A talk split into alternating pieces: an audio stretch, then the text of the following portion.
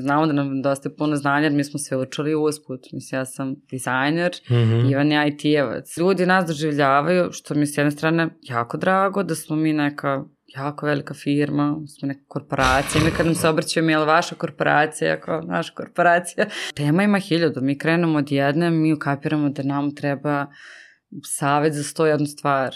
Kako ti da opipaš kvalitet online? Skoro sam sređivala uh, fotke, to probrani deo fotke za Facebook katalog i ja sam bila isto u fazonu dokle, o, koliko ovo traje, kad su mi sve ovo napravili. Nekako nikad ne stanem pa ne pogledam sa strane kao, je vidi ovo i ovo i ovo smo napravili.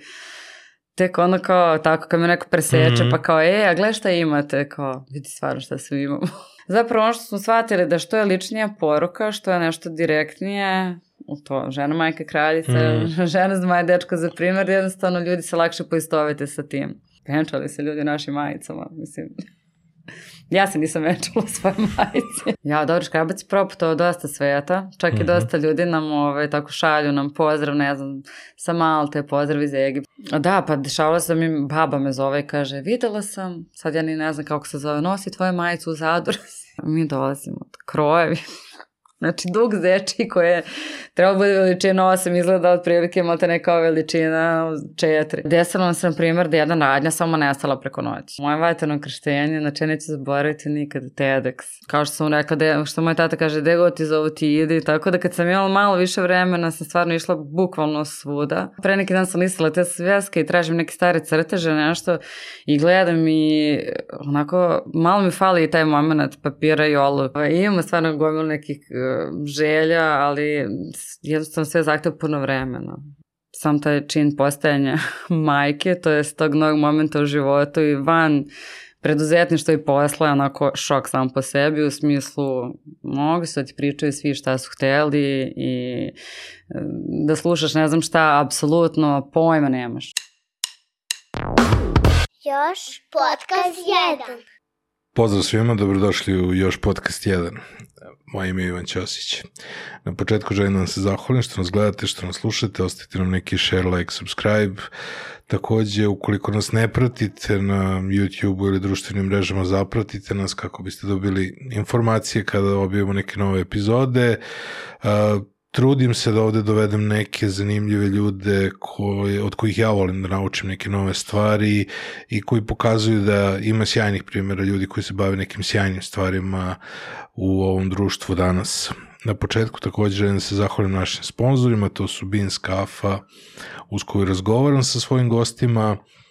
Beans želi da vam neke super kafe donesu u vaš dom ili kancelariju, da sameljete kafu, da napravite neki sjajni espresso i da uz njega razgovarate sa nekim super ljudima ili na kraju kraja ukoliko više volite da sami uživate u kafi. Naš drugi sponsor je Scandinavian Design Center, to je jedna porodica skandinavskih brendova koji će vam omogućiti, koji imaju neki super nameštaj, koji će vam omogućiti da opremite svoju kancelariju u kućnom ili poslovnom ambijentu kako god želite. Uh, moja gošća u ovoj epizodi podcast, još podcast 1 je Ana Babić, sada Bojčić ili u narodu poznata kao Ana Škrabac, jedna od dvoje ljudi koje stoje iza brenda Škrabac, brenda koji je obeležio naš, našu internet scenu jednim sjajnim setom, na prvom mestu garderobe sa nekim sjajnim vizualima koji su bili uvek zanimljivi za gledanje, Škrabac sledeće godine puni 10 godina, postoje ozbiljan domaći brend, Ana je već predavala i pričala o Škrabcu na konferenciji koju sam organizovao pre nekoliko godina i tada smo se zapravo i upoznali, sarađivali i meni je mnogo zanimljiv taj neki segment domaćih premium brendova i voleo bih da što više ljudi koji stoje iza tih brendova ugostimo u ovom podcastu. Imali smo sjajan razgovor, uživajte u njemu. Češ da krećemo? kako, god, da... kako god hoćeš. Meni on, kao samo reci kad si ovaj... Opustio sam ja ovo, tako da to sad teče, to ali ja isto, obično kad smo bili, taj... Kad smo bili ovaj, na onom, a bio kao neki, nije nije ni meetup, nije ni, malo par žena preduzetnica, onda kao Mhm. svi smo nešto pričali o svom poslu i to i mi došli pre vremena i ja sad kao, mogu ja kafu, sela je kafu, dolaze devojke, sad tad oni ispravo sam ja organizatorka, ja sam, sjedi, sjedi, sad naruči kafu. Mi smo se toliko išćaskali, na, nas je Mhm. bilo deset. Je bilo ono, zašto neko nije upalio kameru i pustio nas? Znači, bilo bi zabavnije ljudima da gledaju 25 puta nego onako kao, a kako si ti? Mhm, A ti šta si radila? A ti kako si radila? Znači, ja sam bilo ono, zašto nemamo neki to podcast, aj pijemo, žene piju kafu i pričaju preduzetništvo. E, ali bukvalno podcasti treba tako da, da, da budu, razumeš? Pa da. I meni je sad sve, više i više to lako da, da bude takvo ćaskanje. Za nijansu je lakše kada mi dolaze ljudi koje poznajem Pa u da. odnosu na ljude koje tek upoznajem, a Mhm. iskoristio sam priliku sa podcastom i da upoznam neke ljude koje možda Što nisam. ste kažem, to je strava. Znaš, tako da, hoću, hoću nešto naučim od tebe, dođi na kafu. Znaš, da, to da, da, da, da, da, varijanta, da, da, znaš. da, da, da, da. Tako da, o, a najbolji trip na podcastu je da, da neko ima utisak kao da sedi pored tebe. Pa da, meni ovo bilo, mi smo, znaš kada je to bio opšti utisak svih žena, jer mi smo se zdravo živo istiskali, pritom uh, ne znamo se od ranije, ali Mm. svi su, ne znamo, jedna je emocionalna, bavi se ono emocionalnom inteligencijom kod Mm. dece, jedna je u, uh, imaju restoran neki strava u Zemunu, mislim, gomila tako najrazličitijih žena sa najrazličitijim profesijama, znaš kako je bilo strava, ono, bukvalno se istiskali i kao čekali smo nešto dok su oni tu sredili, e, šminka, frizura, svetlo, ne znam šta sve. Mm. Smo se toliko lepo ispričale, onako zašto samo nije bila upaljena kamera, a Da, baš da. Onako bilo, baš je živ razgovor bio, ono sto nekih tema i privatno i poslovno i sve. A meni tako bilo i sa Džamićem i sa Vojem, Vojem. Žanetićem, znaš, XY puta smo bili na kafi Mhm. i isto taj, taj fazon kao, Da, da, kud da. ovo nije snimljeno, A znaš. bukvalno kao samo spontanije ljudi reaguju. To Pa sam jeste, skontala jeste. i reakcije i sve. Mislim, ja smo mi ono, se žvakale tu i onda posle smo ponovo pričali. Nije sada neko, kako kažem, nešto izmišljao, folirao kad je pričao tamo. Ali nekako, znaš, taj format, tako kao ja tebi mikrofon, ti meni mikrofon, ja tebi, pa ti meni, pa da, Dobro, da. malo padne koncentracija posle jedno sat vremena. Mislim, nije, I podcaste treba premotavati na 45 minuta. to se da kažem, dobro štimar, tad- kao, od tog i tog minuta, tog i tad se tog. gosti, od, tad se gosti opusti, tad krene ono neka opuštena priča. A, ali ima, ima taj neki trip sa, sa pripremom pitanja sa ovim sa onim, znaš, jer sad deo publike će doći zato Mm. što ja imam neku publiku koja Mm. hoće da vidi moje goste. Mhm. Deo tvoje publike će doći koji hoće da vide tebe. Jer obično, znaš, ono imaš taj deo ko- koja je publika Da, moja, jasno, koja je jasno, publika jasno. i onda, znaš, sad i, e, i ni jedna ni druga publika nije potrebna, znači jedna publika veruje meni što sam te doveo, Mhm. a druga publika hoće tebe da vidi, tako da nije potrebno neko specijalno predstavljanje, ali onda ima i ona kao treća, Koja treća neka grupa koja je slučajno banala, ko- koliko toliko treba neka vrsta Mm. predstavljanja i ostalo i onda uvek fazom kao kako ubaciti to sve, a da ne bude ono... Aha, da ne bude da ne zvuči Ćao, dobar dan, ja sam Ana To, to, i standardna rečenica. Ne znam zašto si me zvao po drugi put da pričamo. kako preneseš, A? uvijek, te zovem ono, meni, meni je tvoja priča super, ono, kao, kako da, da, da napraviš biznis od, od nečega što voliš. Meni to uvijek nekako... I, I mislila si i tada kada sam te zvao vršic na konferenciju da, da je ono kao, Sa uganutom nogom, što se nije primetila. da vidiš. I svi mislili da mi je fora styling kao patike Aha, i kao haljine i kao to je stil. Gde nisam mogla da obujem nikakve čizme. I što je bilo pozorno. Izdržat ću, izdržat ću, mora sve da izgleda tip top. Ispalo dobro. Jeste, jeste, jeste. A stvarno znaš koliko smo imali super reakcija posle, posle vršca i dobili i klijente neke, strava ljude. Mm. Koliko tad bilo? Koliko tad bio star škrabac? A, Sad- čekaj, sad sad, već- će... Sad će 10 godina. Sad deset će sledeće, a vršac je bio, a sad sam videla majicu, pa gledam što piše, 2017, znači tri. 17. i 18. za te dve si, Da. da. si mi radila a, Pa za grafiku. Znači, Znači, možda je godine, 2016. pa ne, onda je to napune tri, 2014. juna smo mi počeli. Mhm, znači, ok. Da, da, da, 15. 16. tako nešto. da. Gde ste sada? Debra, dobro ima vatreno krštenje, Mhm. ono, šta kažeš? ti to bio prvi nastup? Ne, moje vatreno krštenje, znači neću zaboraviti nikad TEDx. Zove me Milica, aha, aha. izvesna koja organizuje TEDx. I ja ko kao fan TED-a i svega, zonu, jesi ti sigurno? Kao, ja sam bukvalno, znači to je bilo nismo možda godinu dana radili ili tako nešto. Mm. Isto pitanje, jesi ti sigurno da nisi pogrešila?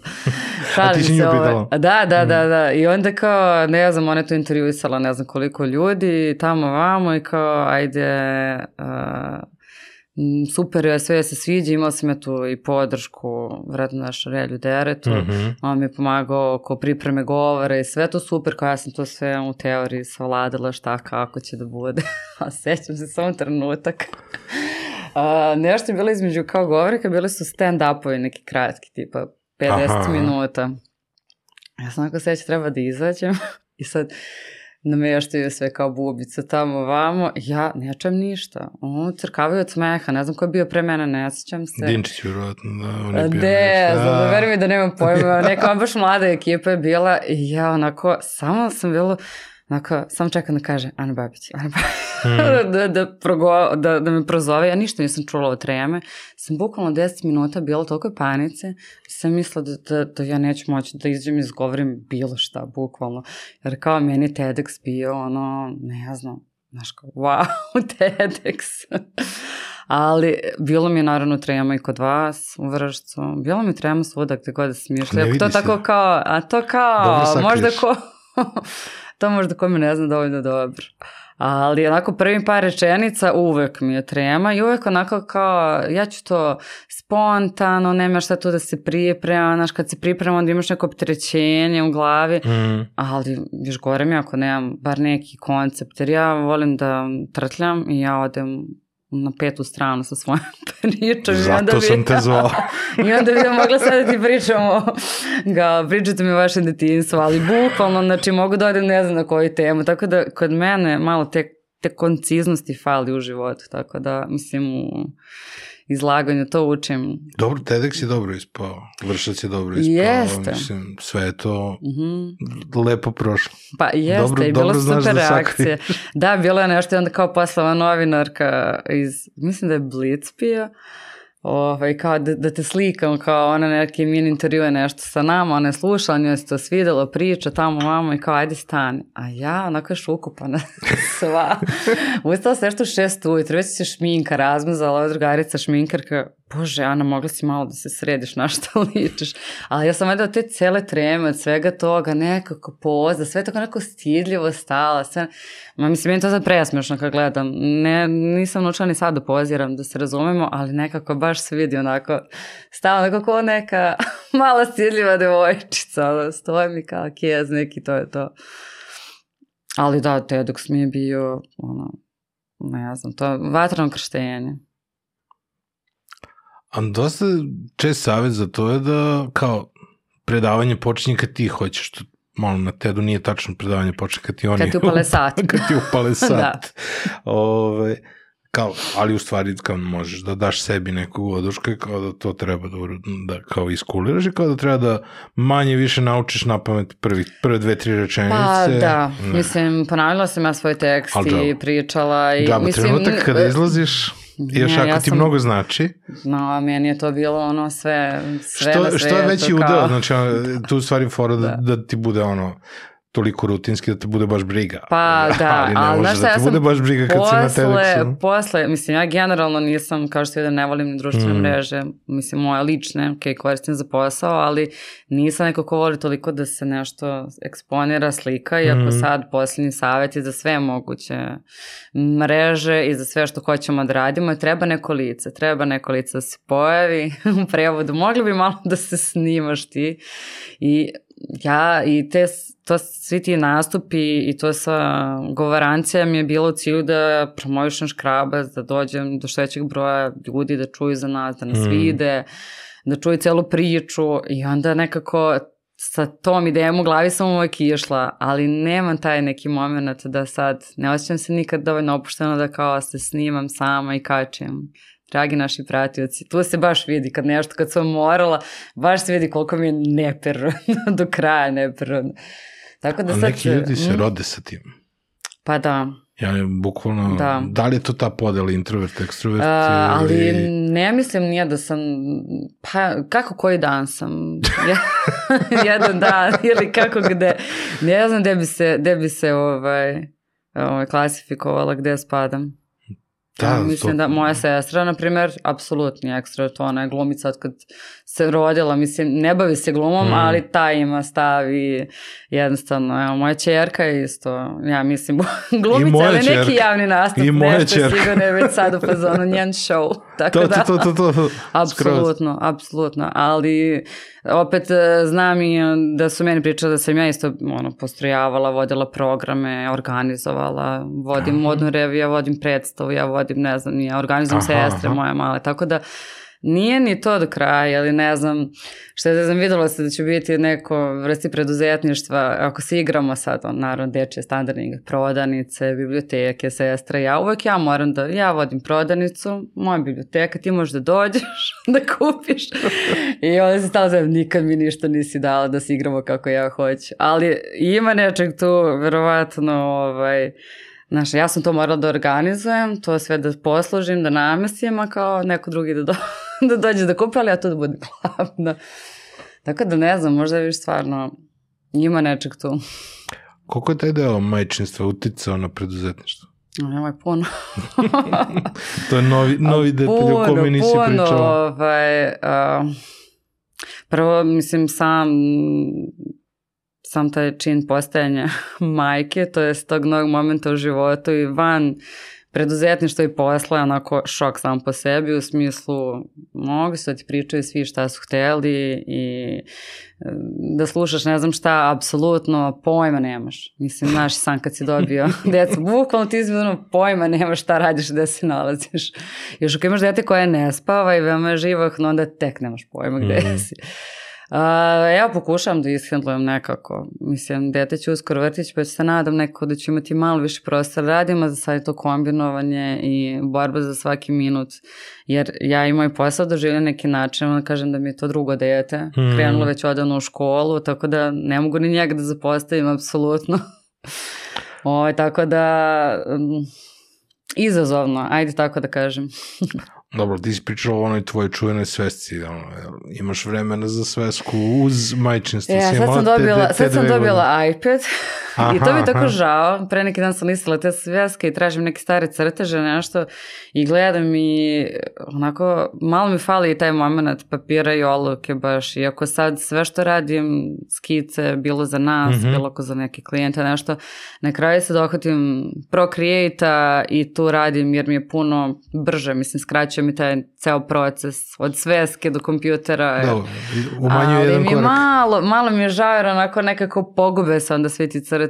Znaš, ja sam, imam neke klasifikacije, foldere, nešto, ali nije to taj isti osjećaj kao kad uđeš kao što imaš brda knjiga, tako sam imala ono deset nekih notesa da su ti crteži i tačno mi dođe da oduzim da ištam pa mi da ih ukoričim, onako ništa mm. drugo lepše nekako, ne znam, ili ja možda imam u glavi da je to neki old school moment da se ložim na papir i na oloku više nego na, da na tablet, ne znam. Da nađeš na tabletu neku aplikaciju koja ima onaj efekt listanja kad kad vrtiš. A nije ni to, to nikad nisam volila da čitam, na primjer, koliko god su mi bile zanimljive neke teme o nekim magazinima, kad ima taj moment listanja, to mi jako odbijalo. Ne znam Stvarno? zašto. Da. Nikad, na primjer, nisam ni jedan ili ga preletim, nekako mi ne, mm. nešto mi to, i volim da mirišem i knjige i novine, tako da, Uf, verovatno ja je to to. Da, da, to je taj, ja volim taj efekt iz, iz štamparija. Tek, da, da, tako da, kako je rekla jedna poznanica, knjigonjuškač. Tako da verovatno ovaj, mm, taj, taj izraz, da. taj sam. Tako da moguće da je i do toga. Da, nedostaje mi taj da imam, tačno sam našla gomilu neki kad preslažem te svoje ovaj, sketchbookove, kako škrabukove, kako da ih nazovem, našla sam i neke moje tako fiks ideje projekte. Jedan od njih je sve divne žene koje znam i tu sam kao imala ideje da krenem moje mame, sestara, mm -hmm. pa drugarice i tako dalje i da ih sve kao odredim u nekom portretu sa škrabac fazonu sa nekim njihovim specifičnim stvarima koje oni vole. Mhm. Mm i to je krenulo sa tri portreta i to je tu stoji. Tako da da, imam i neku ideju za dečiju um, slikovnicu, to tek priča za sebe. To ako nam ostane vremena, pošto je podrža priča. ako, ako pu, pucaj. Ovo, uvijek mi je bilo zabavno to što tvoji radovi su uglavnom crno-beli. Onda, mm -hmm. ovo, uvijek sam razmišljao, kad sam gledao one dečje one bojanke, koliko bi stvari bilo zabavno da uvijek je to nešto Boje super. Boje deca. Ali uvijek, uvijek je to nešto super precizno, znaš. Aha. Onda sam uvijek razmišljao o tvojim crtežima u formi bojanke, znaš, i onda bukvalno ostaviš onaj deo bojanja deci da oni izaberu boje. Pa da, pa da. Mislim, a i dosta njih vole da, na primjer, boje kutije naše. Mm -hmm. Ili su im kutije, na primjer, totalni hit čuvaju bojice, šnalice, tako nam šalju. Mačke vole kutije naše. o, to mi je strava, ali da, ima djeca koje su bojale majice. Mislim, je to preslatko. Kad je, mi imali smo neku ideju da kao prodajemo neke markere uz to, ali kao bila nekako too much. Možda nekad bude neka limitirana serija, realno sva deca imaju kući markere kojima vole da se igraju. Da sad baš imate ono, širok dijapazon proizvoda. Jako puno. Skoro sam sređivala uh, fotke, to probrani deo fotke za Facebook uh, katalog, mm -hmm. za reklam, puštene reklama i o, ostale zazancije I ja sam bila isto u fazonu, dokle, o, koliko ovo traje, kad su mi sve ovo napravili, šta je bre ovo, ali doslovno se uhvatim, što ti kažeš, imam širok dijapazon, nekako ne skontaš ti iz dana u dan, da si, ne, ja nekako iz dana u dan razmišljam o tom poslu, znaš, nekako nikad ne stanem pa ne pogledam sa strane kao, je vidi ovo i ovo i ovo smo napravili, tek ono kao tako kad me neko preseče mm -hmm. pa kao e, a gle šta imate, kao vidi stvarno šta sve imamo. Ne znam, bile su tipa šolje i majice. je, prvo su bile majice a, i to su bile samo a, dve veličine. Aha. Da, to je bilo, to je najjače od svega što smo naravno ograničene sredstva. Mislim, smo, mi smo tu prvu seriju uložili negde oko 2000 evra, tako nešto sad. Mm -hmm. Gore dole, ne sjećam se. I napravili smo nekih 200 majica, to je sećam da bio neki minimum da kupimo te rolne, jer mi smo htjeli početka to sve da se šije po našim krojevima, se štampa, pa smo neke fikse ideje za štampu koje otprilike svi su nas oduvali kao ne može to se pet majica da se radi prekomplikovano, prezahtevno, skupo. Pa smo na kraju odlučili da kao imat ćemo pet, e sad vidi, pet printova koje ćemo biti, bit će skoro svi na, i na muškim i na ženskim majicama, ali pošto sad to je, opet kad se podali jako mala količina, ajde ne primamo sve veličine, ajde, žena uglavnom se M, muškarci uglavnom se L, aj mi napravimo M i L i to je to onda testiramo. Znaš ga, nisi imao opciju ako si hteo da kupiš neku drugu veličinu, kao, nema, super će ti biti i ova majica. Još sam ja ambiciozno mislila kako muškarci vole da nose majice na V izraz, što se ispostavilo apsolutno da ja, muškarci se ne te vole majice na V izraz, to je samo u mojoj glavi kao ja baš bi bilo lepo. A pa vidio se dlake, valjda. Pa ne, ne znam koji je razlog, ali uglavnom svi su mi iskitovali nikad više nismo probali ovaj, da, da pravimo ovaj izraz, iako smo imali neku ideju da možda za ovu desetogodišnjicu napravimo bukvalno ono sve što smo imali na početku, da na neki način kao zavrtimo taj krug. Sa kao početka. nosite sad na V izraz, mi smo postali sad, limited, ono, kao limited, sad limited. Ja. A, da, bukvalno 200 majica, a, bila, da, jastuke smo imali, pa mislim, mi smo nešto imali 30 jastuka, mi smo otišli u fabriku koja je Bože, ne, ne mogu ni da se seti, nije pazova, sad ajde da ne lupam. Mm. Uglavnom, našli mi sve fabriku koja pravi jastuke, koja će pravi jastučnice, ne možemo mi sad tu da kupimo neki, ne znam, kineski ili ken ili neki jastuk. Ne, ne, ne, to se posebno pravi. Znaš, mislim, sad iz ove perspektive super mi što smo stvarno odmah nastupili kao, ne, ne, ne, to mora ovako da se napravi. I znam da smo imali presmešne neke kutije, tad smo jedino to uspeli da nađemo, neke džinovske kutije, gde sam ja mislila da ta majica kad se smota u tu ogromnu kutiju, to će taman da bude. Mislim, majica je bila jedna trećina kutije. Svi su nosili kao blok broj 5 za liku na tu kutiju. I onda bilo, makar je to reka dobra reklama ako ništa drugo. Samo da je veliko. Da, I na šta smo još imali propali proizvod? Uh, imali smo futrole za duvan, a, mislim super proizvod, ali loš izbor materijala što ja, jel te nisam apsolutno imala predstavu, ni, niti sam dovoljno promislila mm. u tom trenutku. Uh, radili smo štampu na kanvasu i onda smo to, to smo nešto još dodatno premazivali. To je kao štampa na platnu, direktno pa, da, digitalno. Da, da, da, da. I to naravno od korišćenja se posle neko vremena habalo užasno. Aha. Mislim, to je jako slatko, super izgledalo, fora je bilo, ali kao po, stvarno se pohaba jako brzo, onda smo to, od toga smo odustali i imali smo beđeve. Znaš da, e, gledam, go, e, ono, pokušam da se setim, zato što imam u glavi sliku sa Mixer festivala koja ne je bio kao prvi festival ikada. Mm -hmm. I znam tačno gde mi je šta stajalo, ono, kao tu su bili ovi jastuci, beđevi, znam da sam napisala na natram papiru kao koje su cene i to sve tako nešto bude u tom crno-belom i natram fazonu. Znam tačno gde sam pisala i cene, gde smo šta stavljali, slagali. Znam sam bila isto super uzbuđena zbog miksera. I onda kad su svi strava reagovali, a ja te sreće. znači, ne znam, nedostaje mi malo ta vremena, iskreno, ovaj, tih mikser festivala, bilo je super. Dobro, to je bilo tebi faza rapidnog učenja, gde si ti pa, sa nekim... Pa, jeste, da. Znaš, ti si tu neku svoju kreativnost donela, mm. ali tu kreativnost pretočiti u biznis je ludilo. Nisam, nisam sama to sve odradila, naravno, tako naravno. da vjerojatno ne bih ni, ni uspela sve sama. Mislim, to što kao gomili ljudi savjetujem uvek kao, i ako ulaziš sam, nađi nekog mentora. Mm. Mislim, moraš imati feedback. Mislim, Ivan ja konstantno smo u nekoj komunikaciji što od neki tehnički stvari do kreative, marketinga, svega. Šta je bilo od sukoba u tom startu? Kako šta je? Je bilo sukoba u tom startu? Sukoba? Uh, pa bilo je sukoba oko cene. Dobro. Uh, o, šta smo još... Pa oko dizajna i toga i nije toliko, oko cene je najviše uh mhm. -huh. bilo, koliko to zapravo treba da košta. Ja sam imala neku ideju da to treba da košta više od od ovaj, cene koje Ivan, Ivan je stalno meni kao spuštao, spuštao Aha. cenu iz razloga što je kao ima neku svoju ideju kako treba da se maržiramo, šta treba da radimo. Mm -hmm. Ove, istina je tamo, istina je negdje između iz ove perspektive sad, jer gomno stvari naravno nismo uračunali jer smo bili mladi i zeleni i nismo shvatili šta zapravo ulazi u tu cenu.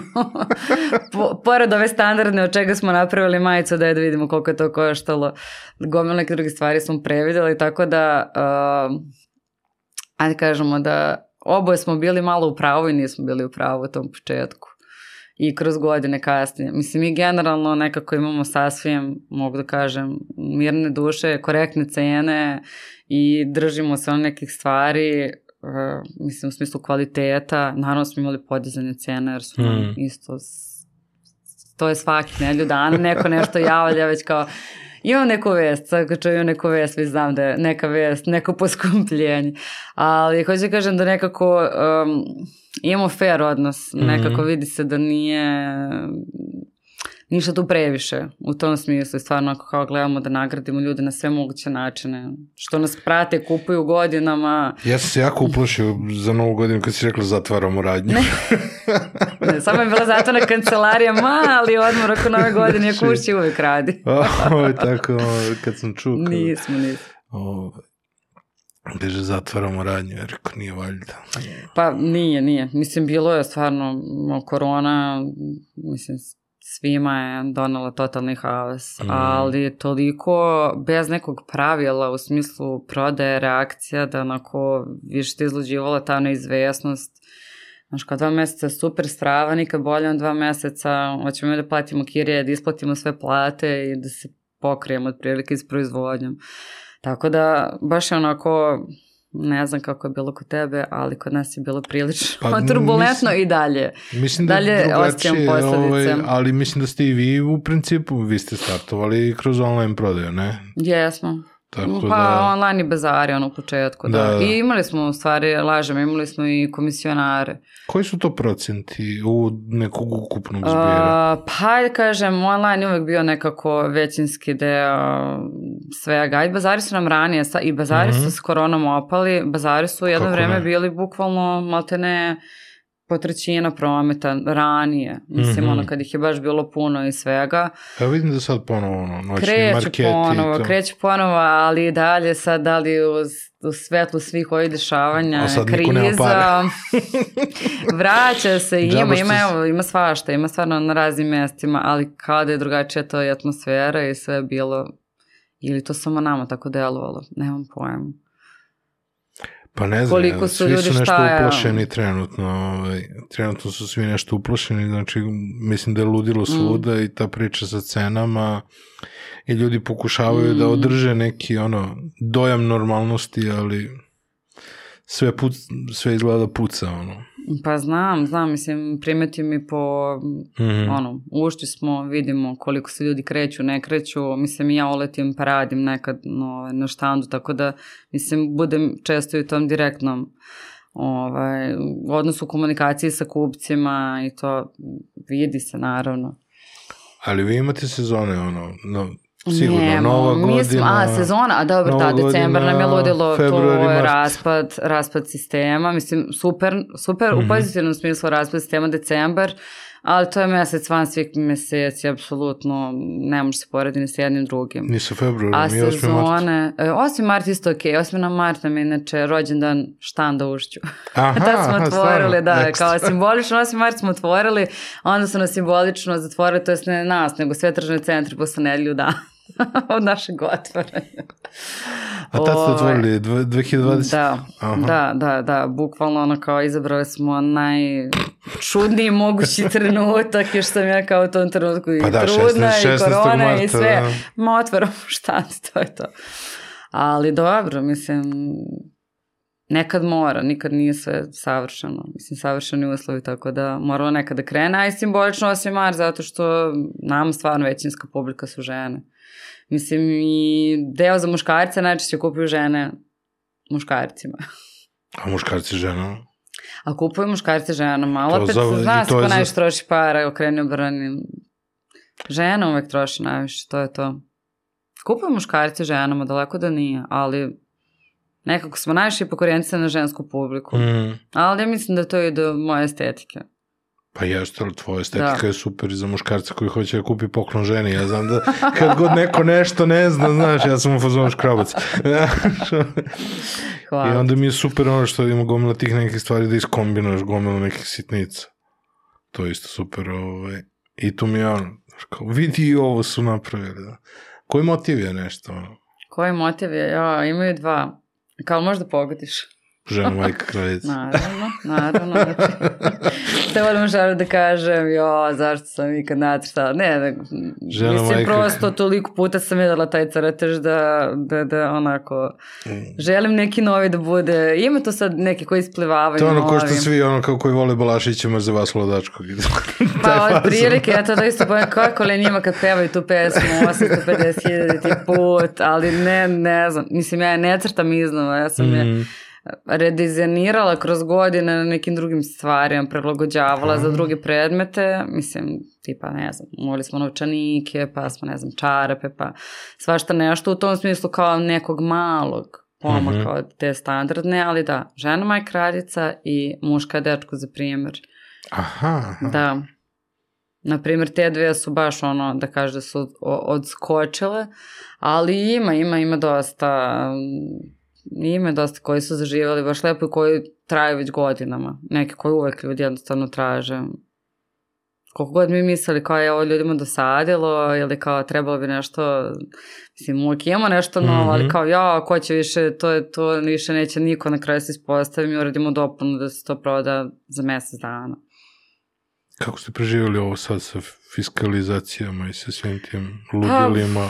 Snašli, snašli smo se, tim delom, srećem, ja sam se najmanje od svih Mhm. bavila, taj tehnički deo je više Ivan preuzeo i on se bavio tim delom, tako da ja znam neke ono usputne stvari, Mhm. šta smo i kako ovaj, rešavali, ali To ništa nije bilo potrebno za online prodaju, ili tako?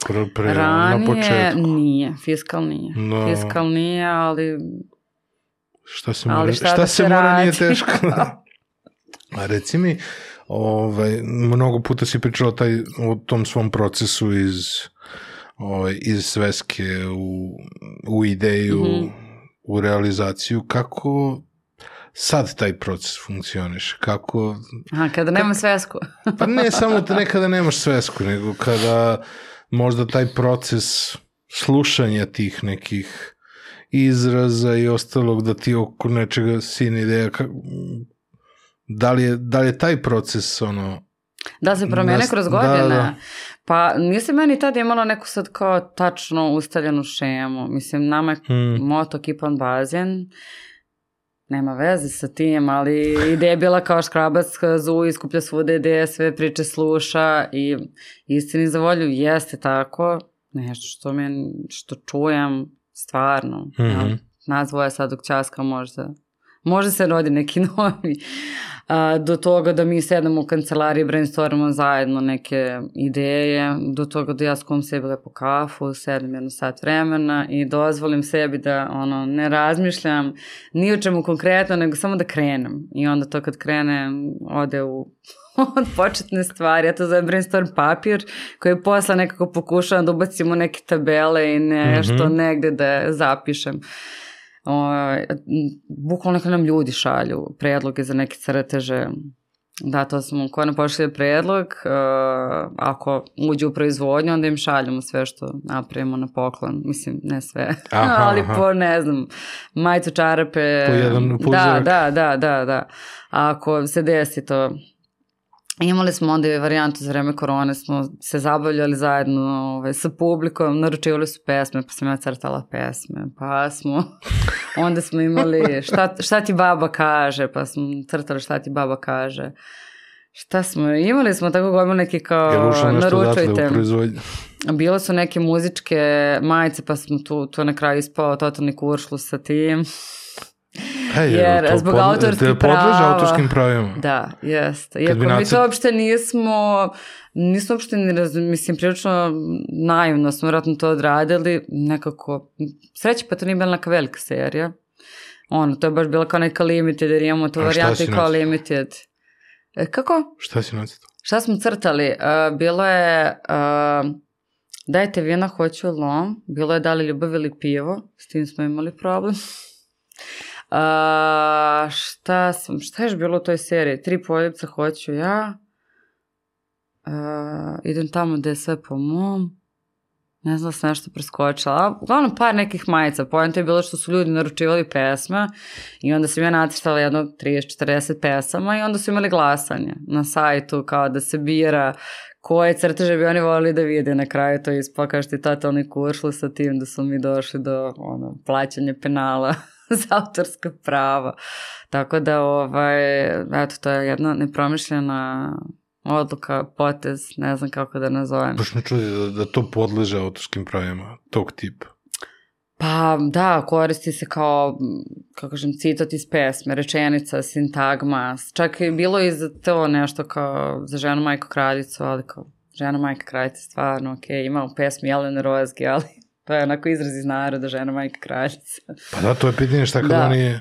A dobro, to kaže da nismo došli, hvala Bogu, do suda i do nekih Aha. kompleksnijih ovaj, stvari, ali ne znam, ne znam kako bi bilo. Onda smo kao malo preznije krenuli neke stvari, bukvalno na nivou, ok, to je crtež, ali nemamo nikakvu zaradu na tome i to je to, više zabavnog karaktera da se zabavljaju ljudi na Instagramu mm. i to je to.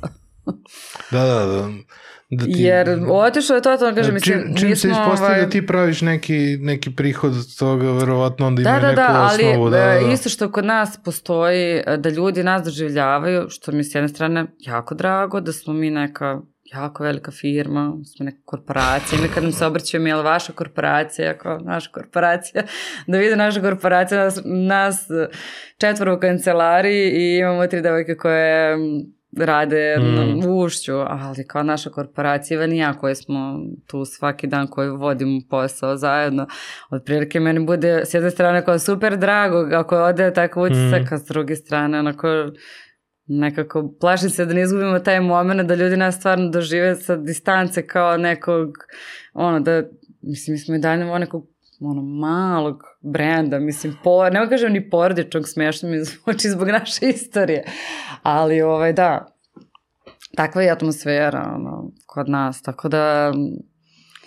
ono na LinkedInu kao, da li vaša verovatno. kompanija zapošljava? Da, da, da, da, da, ali stvarno nekako zvanično, da li to sad možda iz neke ovaj, opšte, kult, mislim, ljubaznosti, kulture ili čega, ali ne znam da li su oni mislili da su mi izradili na tome neke silne novce.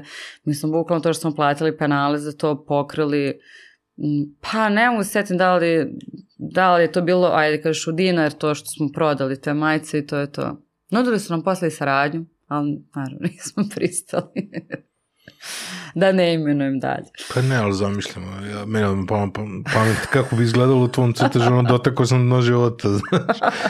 I ovaj, Ništa, otvorit ćemo opet rubrika na ručite pesmu. Meni je bilo super zabavno šta su sve ljudi slali, to, to je miks svega i svačega. A vratno ćemo provući negde opet ovaj, da, tako neko varijanta, jer stvarno, bude. mislim, meni bude zanimljivo kad imam vremena da sedim i tako da, da crtam, jer to mi je nekako ono totalno ove, rastrećenje mozga i prijam i inače gomila ljudi zamišlja, mislim što moji prijatelji poznanika, kao ja, pa zar tebi nije onako baš lijepo da uživaš na poslu, rekao, da li svi zamišljate, ja samo sedim sa sveskom i olokom i da, da, i sedim i da. crtam, ja samo crtam i crtam i moj dan je kao, To je bilo super. Da, ljudi simplifikuju, zamišljaju jednu sliku tvog života, razumeš i to je ta jedna slika. šta ja radim, kad pitaju dobro kako kod vas stvari funkcionišu, ko šta radi u firmi, ove, ja crtam. Šta Ana radi? Ana crta. To je to. Ana crta sedi sve vreme. Ana sedi i crta, kao, bilo bi super da Ana sedi i crta samo. To, Ana bi bila jako srećna s tim. Ali da, stvarno se tako da nažalost crtanje baš bude jako mali procenat ili kad je onako Pravimo, ajde rećemo ovako, pravimo sad malo više, pokušamo napravimo neku reorganizaciju, da nađemo malo više mesta za to, da ja malo veći deo vremena stvarno crtam, da stvarno opravdam tu sliku, da ja mhm. sedim i crtam. A šta je, šta je veća stvar za, za, za kupce, za klijente, ovaj, da imaš veću ponudu motiva ili da imaš veću ponudu različitih proizvoda? Pa jedno i drugo. Od prilike mi nama sve serijska proizvodnja, mm -hmm. ali vrlo često ljudi bi, da li može ovaj crtež na ovoj majici, ovoj boji, sa ovim i onim, mislim, to jednostavno neizvodljivo, bar neizvodljivo po ovim cenama, mm. jer Nama je od samog početka negde ideja da budemo serijska proizvodnja, mislim to su manje serije, ali opet da mi ponudimo konkretno gotov neki proizvod, jer mi nemamo našu štampariju, nemamo našu proizvodnju, mi imamo firme s kojima sarađujemo, prosto nije ni sa te neke logističke mm. strane to sve izvodljivo da funkcioniše kako treba. Uh, Mislim, jeste, ali prosto ne bi bilo ono što je sad i kako izgleda. A da, imamo spisak, ja, pa imamo škrabac home koji ja maštam, jer kao moje primarno zanimanje je dizajn, dizajn interijera, to da, ne znam to, da li znaš, da. verovatno se sećaš, ali da, onako im da izdaš škrabac home, od prilike, od pločica, zavesa, svega, ali Znaš, kao to je opet ozbiljna investicija i nešto što je onako kao za neku aha, kao budućnost. Serija, serija kao Zara za, Home, se, Škrabac Home. Serija za kuće. Ja, ja sam mislio kao, ja sam se prebacio na da, Apple da, Store da. i onda sam bio u varijanti, ono kao Škrabac Home, mesto gde je kompletno izdizajniran interijer. to bi bilo super. Sa tvoje strane da dođu mm. tu da kupuju. Ono. Da, volio bi da imamo i neku baš prodanicu, showroom, ne znam, nekako da ga nazvam. A samo vaš. Ono. Pa da, mislim, štand je super e, sa, sa ove, kako kažem, strane održivosti, isplativosti zbog su... prosto veliko protoka ljudi. I nama je negde bila ideja samo ušćera ništa drugo, u smislu uh, novih nekih kupaca, na svijetu neke mm. nove ljudi, jer...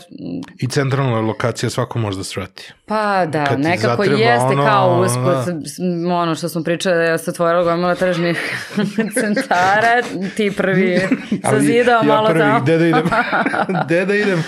Ne, dobro, mi smo stvarno na kraju sa komisionarima smo, mislim, radili smo sa dosta, o, sa dosta radnje. to funkcioniše i dalje u Srbiji? A, pa mi smo batalili iz razloga prosto što nam je bilo više komplikacija iskreno nego što smo imali neku, kažem, korist, neki mm -hmm. benefit svega toga. U početku nam je značilo zbog neke reklame, vidljivosti, kako kažem, bilo koja vrsta marketinga nam je bila, mm. ono čak i da se ništa nije prodavalo, pa samo da neko vidi usput, pa nam je već bilo okej. Okay A onda nekom trenutku već počelo da nam zarobljava velike količine stvari, pa onda sad naravno papiri napred nazad, voženje, dovoženje robe, jel u kom je stanju nije. Na kraju stvarno se ispostavilo da prosto nam nije toliko nekako bitno na kraju dana za za promet konačni i onda više nam ispalo da imamo posla oko svega toga. Imamo još ovaj, jednu radnju s kojom radimo, oni su u Novom Sadu, ali smo u Beogradu batali. Koliko god su nam neki baš mm. bili super cool i kako kažem, uklapali smo se neko njihovu priču o vrednosti, ali... Hm? To su kao standardni butici? Ne, ne, ne, više smo čak bili onda... po knjižarama. Aha, aha, aha. Da. Radili smo s Vukastorom, sa Delfijem, sa... To za ove ostali proizvod? Ili isto i majice? Pa bilo je, zavisi kako kod koga šta. Da, Ali najviše, ja da kažem, aksesuari, redko ko je imao varijantu, akademija ima, na primjer, štender, tu smo imali majice. Mm -hmm. Mislim, sve to funkcionisalo nekog trenutka, ali onda jednostavno, valjda su se ljudi prešaltali na sajt i vratno i ušće ne znam, vjerojatno se tu negde pogubilo je to, kad mogu da nas nađu uvek na, na jednom mestu, mm. nisu imali potrebu vjerojatno da onda idu na, na druga mesta, gde je opet bilo nijansu skuplje nego kod nas. Tako da ima to vjerojatno razlog zašto se tako desilo kroz godine. Da dopunimo kafu. Mm. Ajde snimamo. ok. Ove, evo zbiljit ću se obećavaš. Da. Dopunili smo. Neću, Minić je, Minić je rekao, Minić je rekao da sam ja smešna devojka sa smešnim slikama i ja se držim toga. Znaš kada mi je to rekao na početku? To je možda jedan prvih intervjua moje firme. Jeste da. u nekih prvih desetak, Jeste, sigurno, 15, da. sigurno, sigurno. I zna da sam Minić kao, dobro, bit će intervju, tu će mi pola sata, sat. Mi smo sedeli nešto pet sati, mi smo se išćeskali živi, onda kao, E, aj sad da krenemo. Kao sad iz početka. Sad iz početka sve. Da, da, da, tako da držim se toga. Smešna devojka sa smešnim majicama. Ne mogu da se pa jest. ospiljim. Šta ima od tih smešnih stvari koje nisi realizovao? Ja, pa ima svašta. Ima jedna moja želja iz detinjstva. to jest nije ni detinjstva. Ove, ovaj, ima jedna knjiga iz detinjstva koju jako volim. Zove se Ružna devojčica. Ne znam da si čuo ikada za Veroniku Marek.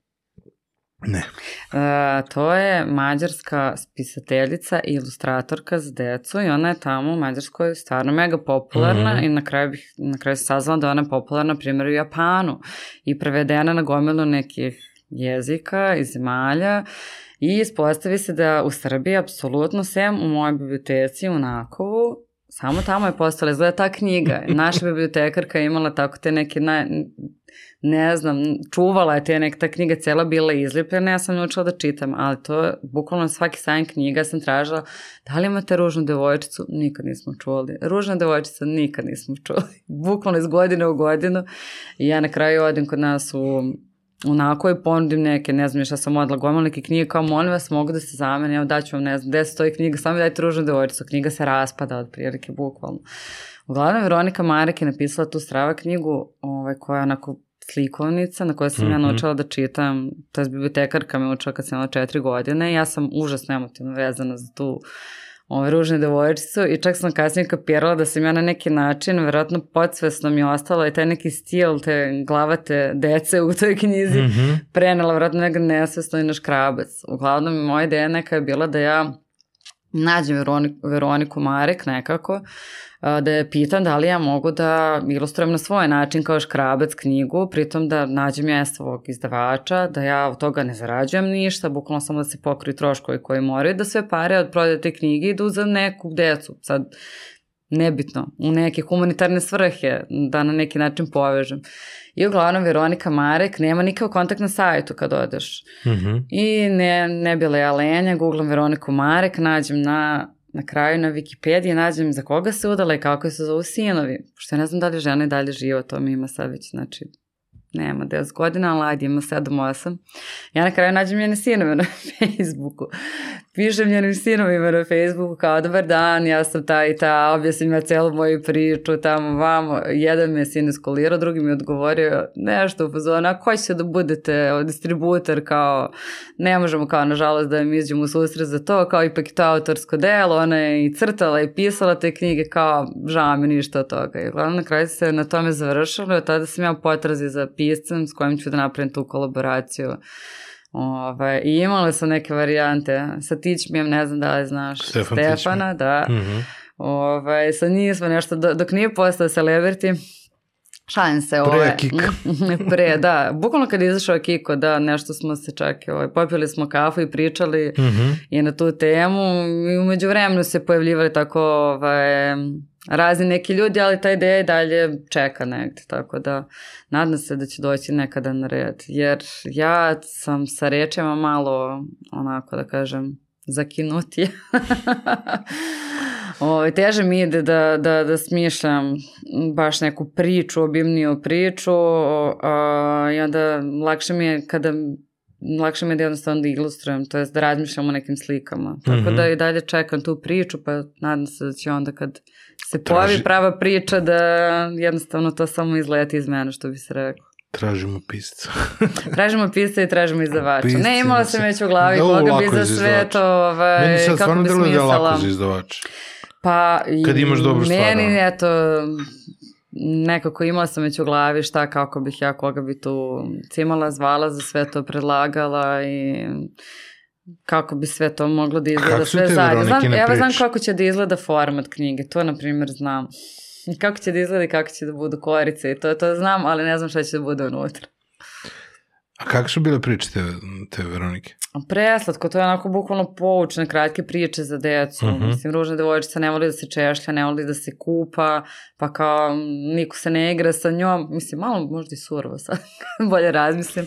Ali u tom nekom smislu da uči decu o nekim bazičnim stvarima. Uh mhm. -huh. Onda, ne znam, bio takođe tu i Dragan je lav koji prevazilazi svoj strah od mraka s pomoć nekog nacrtanog glava. Pa onda je bio neki Medane Staško, koji, deca, njihov odnos prema igračkama, mislim, koje se stvari, da kažem, figurativno predstavlja mm -hmm. tako, kroz odnos brigu o drugima, o životinjama i tako dalje. Tako da te tri knjige imam, ali na kraju mi je jedna drugarica koja sam sve obila isto ispričala, ona je našla jednu predivnu devojku, mislim da je ona u Zrenjaninu, sad sam zaboravila kako se zove, kolekcionarku slikovnica i tih nekih rariteta, ona je imala u originalnom savršenom stanju ružnu devojčicu, nije htela da je proda, onda je drugarica rekla, ali to je moja drugarica, ona isto crta, pogledaj tamo vidit ćeš krabac se zove, I one srećom, eto, desilo se da devojka voli škrabac i da je bila u zonu, a ako je za nju knjiga, onda okej. Okay. Tako da, eto, škrabac pomogne nekad u nekim najčudnim situacijama. A čekaj, si, na kraju si nabavila tu? Da, ona mi je nabavila jer ova devojka je bila u zonu, joj, super, ja volim škrabac, super mi je škrabac, kako je za nju knjiga, onda super, kako ide njoj u ruke, onda okej. Okay.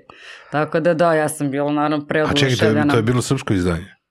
A, ja, da, jugoslovensko. Jugoslovensko, nema Bukvalno jugoslovensko. Da, ne znam, ne znam ko je, vidiš, izdavač, ali da, bukvalno Veronika Marek, znao je moj drugar koji živi u Budimpešti, on kao, Veronika, sad on mene rekao, ne znam, ma, Kišljani, Kišon, se zove, ne znam, jedan je posluško, sad sam baš onako lupila, da, da, da. ali on je mene onako na keca, ma da, kako ne znam, mislim, tako da ona ima neku Boribon kolekciju, tako imate neke male kolekcije, priča za decu koje su preslatke ilustracije, predivno, mislim, estetika je priča, mnogo lepo.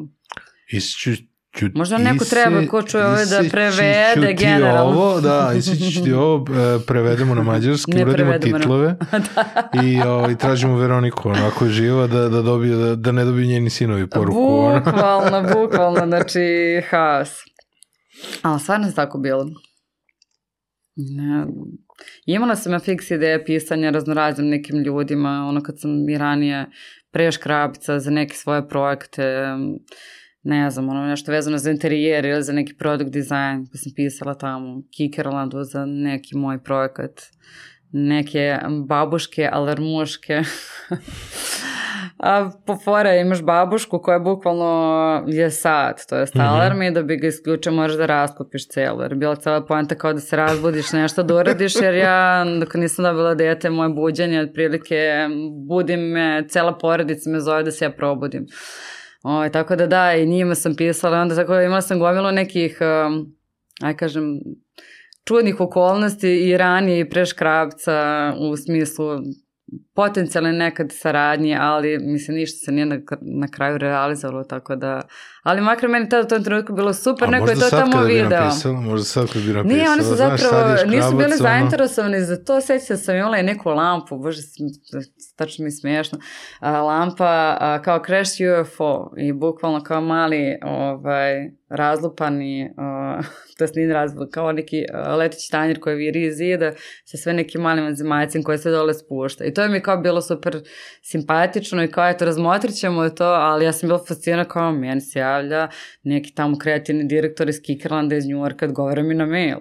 Onda ne znam, imala sam, kad smo išli, prošli smo Baš sam neki konkurs, bio je to o, baš davno, Creative Space Srbije, izlagali smo, pravili smo nameštaj, mm -hmm. dizajnirali, to je baš onako, da, da iskočila mi skoro Facebook memory, dok sam još ne koristila neka normalno Facebook, ovaj, de, pre 10 godina u Milanu.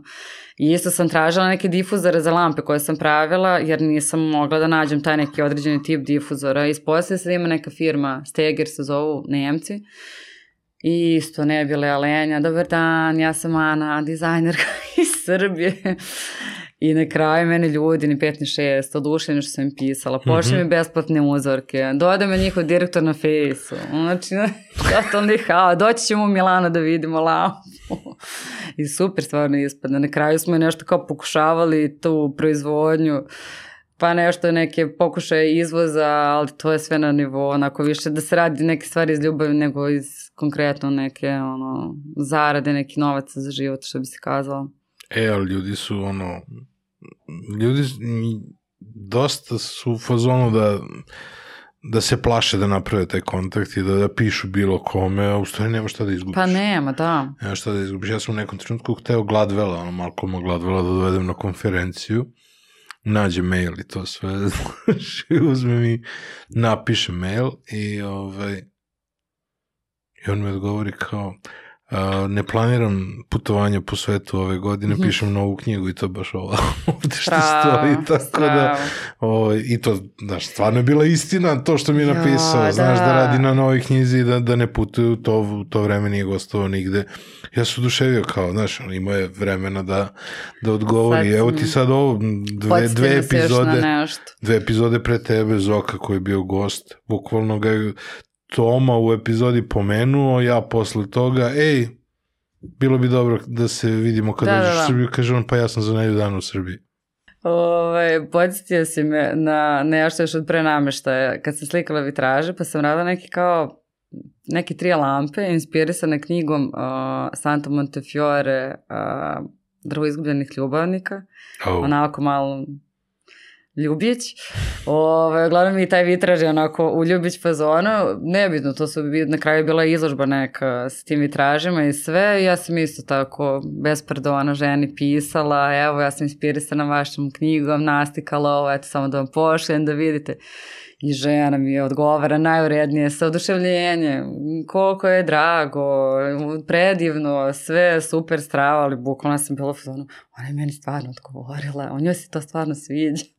Čak i da joj se nije sviđalo bilo šta, onako dobila sam odgovor neke osobe koje je napisala neku knjigu koja ne, ne, ne znam, apsolutno mi je bilo to tek tad, ono, mm. izlazak iz one komfora u tom nekom smislu, ono da sam kontaktirala nekog.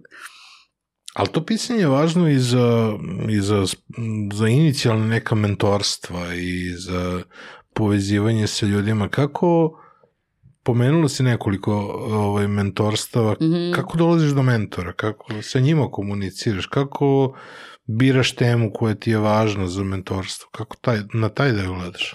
Pa ja sam bila deo programa kreativno mentorstvo, vjerojatno si čuo, mm -hmm. pre, ja mislim, jedno sedam godina, Ja malo sa godinama nisam baš najsjajniji sa pojmom vremena, tako Ali ti da... Si bila tu mentor, ne? Ne, ja sam bila tu menti u programu. Aha. A, dobijali smo svakog svog mentora na osnovu, kažem, potreba koje smo imali. Imali smo na nivou grupe mm -hmm. raznorazne radionice od nekog ličnog razvoja do nekih, uh, kažem, bazičnih stvari koje su ti ovaj, potrebne što za vođenje posla, što za neku, da kažem, oslovnu poslovnu kulturu, etiku. Ove, uglavnom, a ja sam sad skoro opet tražila preko tog programa, mm -hmm. mislim, to je mhm. jedna ogromna mreža da ima super strava, ljudi koji su iz najrazličitih mogućih sfera i sad smo konkretno tražili nekoga o, ovaj, da nam pomogne za taj neki, ajde kažem, upgrade, to je neki skok, jer osjećamo da smo negde na granici da nešto moramo da promenimo i on, mm -hmm. što je on lepo rekao, vi ste sad opet na početku, jer kao sad prelazite u, treba pređete u nešto srednje, iz malog i on kao, možete da shvatite da ste vi sad opet na početku i da sad idemo od, malte ne kao od nule, ono kao, o, o, da se vratimo 10 godina unazad. Samo da se stavimo u drugu perspektivu. Uglavnom s njim smo sad krenuli ovaj, mm -hmm. da, da radimo na toj temi. Uh, tema ima hiljadu. Mi krenemo od jedne, mi ukapiramo da nam treba savet za sto jednu stvar. E sad, da li to Uh, to što mi smo možda, ne znam, radoznali, ali jednostavno nam nedostaje puno, mislim, znamo da nam nedostaje puno znanja, jer mi smo sve učili usput, mislim, ja sam dizajner, mm -hmm. Ivan je IT-evac, on je čak i bio pre toga malo nešto ovaj, vodio svoju, nekoliko godina firmu koja opet iz neke IT sfere koja nema sa dizajnom, sa proizvodnjom, mislim, nazva kao To Koga bilo. tražimo, šta radimo, koji konac, igla, je li taj šav, kako se taj šav zove? Aha, dobro, bukvalno ono kao vodene boje, loje boje, pa ne znam. A ovo sme da se pere, ne sme da se pere, mislim, ne pričamo o tome da smo mi kad smo krenuli, znači neću nikad zaboraviti, išli smo da krojimo, na, u Boleču smo imali čoveka koji nam je krojio materijal, pa smo to iskreno nosili kod štampara, pa je onda štampar to tamo na gomilici slagao i uparijevo, to je imaš tačno svoje gomile gde šta stoji, pa onda odatle nosimo kod šnajderke, pa ako slučajno nešto nije bilo dobro, onda vrati opet kod njega. Znači, to je bilo, to se dešavalo usput haos. Jednom smo ovaj, imali neku frku, naš štampar nije mogao da odradi ne znam šta, zašto smo mi tu imali opšte paniku, ne sjećam se, uglavnom ne smo kod nekog drugog štampara, i još mu objasnimo, ovo ti je ova gomilica S, ovde ti je M, ovo je L, molim da. te vraćaj na gomilu s koje uzmeš tu print, objasnili celu našu, mi smo to sve, imali našu proceduru kako stvari funkcionišu. Da, da, da, razumeli smo, ok, ok. znači, neću nikad zaboraviti, mi smo dobili jednu gomilu svega, gde onako, znam da smo pravili jedno šest sati kod nas šnajderke pokušavajući da skontamo šta je S, šta je M, koja majica, šta ide napred, šta ide nazad to je bilo toliko rasulo. Mislim, onda nam se desio peh isto jednom sa krojevima, s nekim dečijim duksevima, to je isto pre, jo, to je baš nešto s početka. Uglavnom mi nismo ni testirali sve, sve veličine. Ne, kao neki duksić, ono, mm. običan duksić i uglavnom nismo testirali, mislim, to je isto jedna, ono, danak na iskustvu. Ovo, nismo testirali sve veličine i kao to žena koja si me našla neka modelerka, ona je super, meni to sad u razgovoru, ona meni je bila super zanimljiva i strava kao ja imam poverenja, ma ne moramo mi to kao ni da testiramo. Ja, i sad, šta će žena kreačica, totalno, nema pojma, mi smo njoj dola ni krojeve i to je to. I ona samo mene neku trutku zove, kaže, Ana, o, zar niste rekli da o, radimo dukseve, a ne bolero za decu? Kao, kakav bolero? Mi dolazimo od krojevi. Znači, dug zeči koje treba da bude veličina 8 izgleda otprilike malta ne kao veličina 4. Haos, totalno, mislim, krovi, ne znam šta se desilo, ali očigledno nije štimalo. I u tom trenutku nervni slom, haos, panika, šta da radimo da bi na kraju još ispalo fora, onda smo mi tu dodavali neki deo, pa smo neki džepove, pa na kraju ispao još strava, taj dug se ispao bolje nego ovaj pre koji smo planirali, jer na kraju je bilo daj da se snađemo, ne možemo ovo da bacimo, mislim mm. to, pritom nama u početku svaka ta investicija koja je ona bila i sitna, ajde iz ove perspektive, to je bilo sve mislim ono kao ne možemo to da radimo, mislim nemamo taj luksus to da radimo. Tako da ti dukse su na kraju ispali još bolje nego, nego koji su, kako su bili zamišljeni i planirani. To često ispadne sa gomilom poslova. pa da, nekako naučiš, naučiš da improvizuješ ono, za, za dosta nekih stvari. Čak ispadne nekada i bolje iz tih nekih, hajde, neplaniranih situacija, da ne kažem grešaka ovaj, da, da stvarno ispadne neki strava proizvod. To je sjajna priča za improvizaciju. Treba, pa, treba da, da, je onako da, da, da, da. sa sve slikama pre i kasnije. Ne, ne, ne, ovaj, asociralo me to na isto na, eto, sa pehovi sa početka, ovaj, desilo nam se, na primjer, da jedna radnja samo nestala preko noći. Šta? Nestala je preko noći. Zatvorili su concept store preko noći. Znači, sa sve našim stvarima koje su ostali unutra, koje nismo mogli posle nikada da vratimo. Jednostavno, jedan dan je radnja postala, sutradan nije. Sutradan nije tu otvoren kafić. wow. Da. Bilo je tako ne, dosta nekih ovaj, pehove situacija sa početka, da.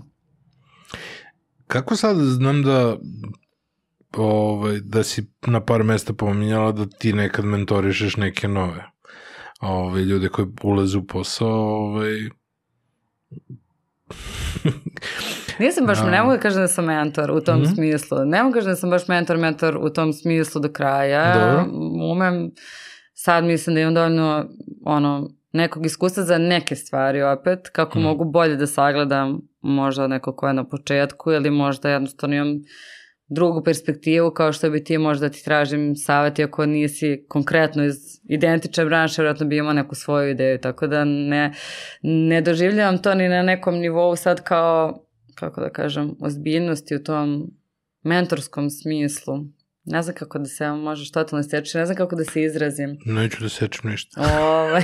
Hoću pusti, pusti mi Šalim se, ne, nego ću kažem da uh, i meni su, uh, kao kada ono pitaju, ja, ko je tvoj idol ili ne znam ko su uzori, ali stvarno... Dobro, nećemo leksikon. Ovaj, ne leksikon, ali u tom kao neko smislu kao uzori poslom, stvarno onako svaki razgovor sa bilo kojom osobom je nešto novo, ti, ono, ti da neku novu perspektivu, informaciju, mm -hmm. stvarno od najčudnijih nekih razgovora razgovora sam bila ono, je ovo strava kako ovo nisam skontala sama, kako ovo nisam primetila ili...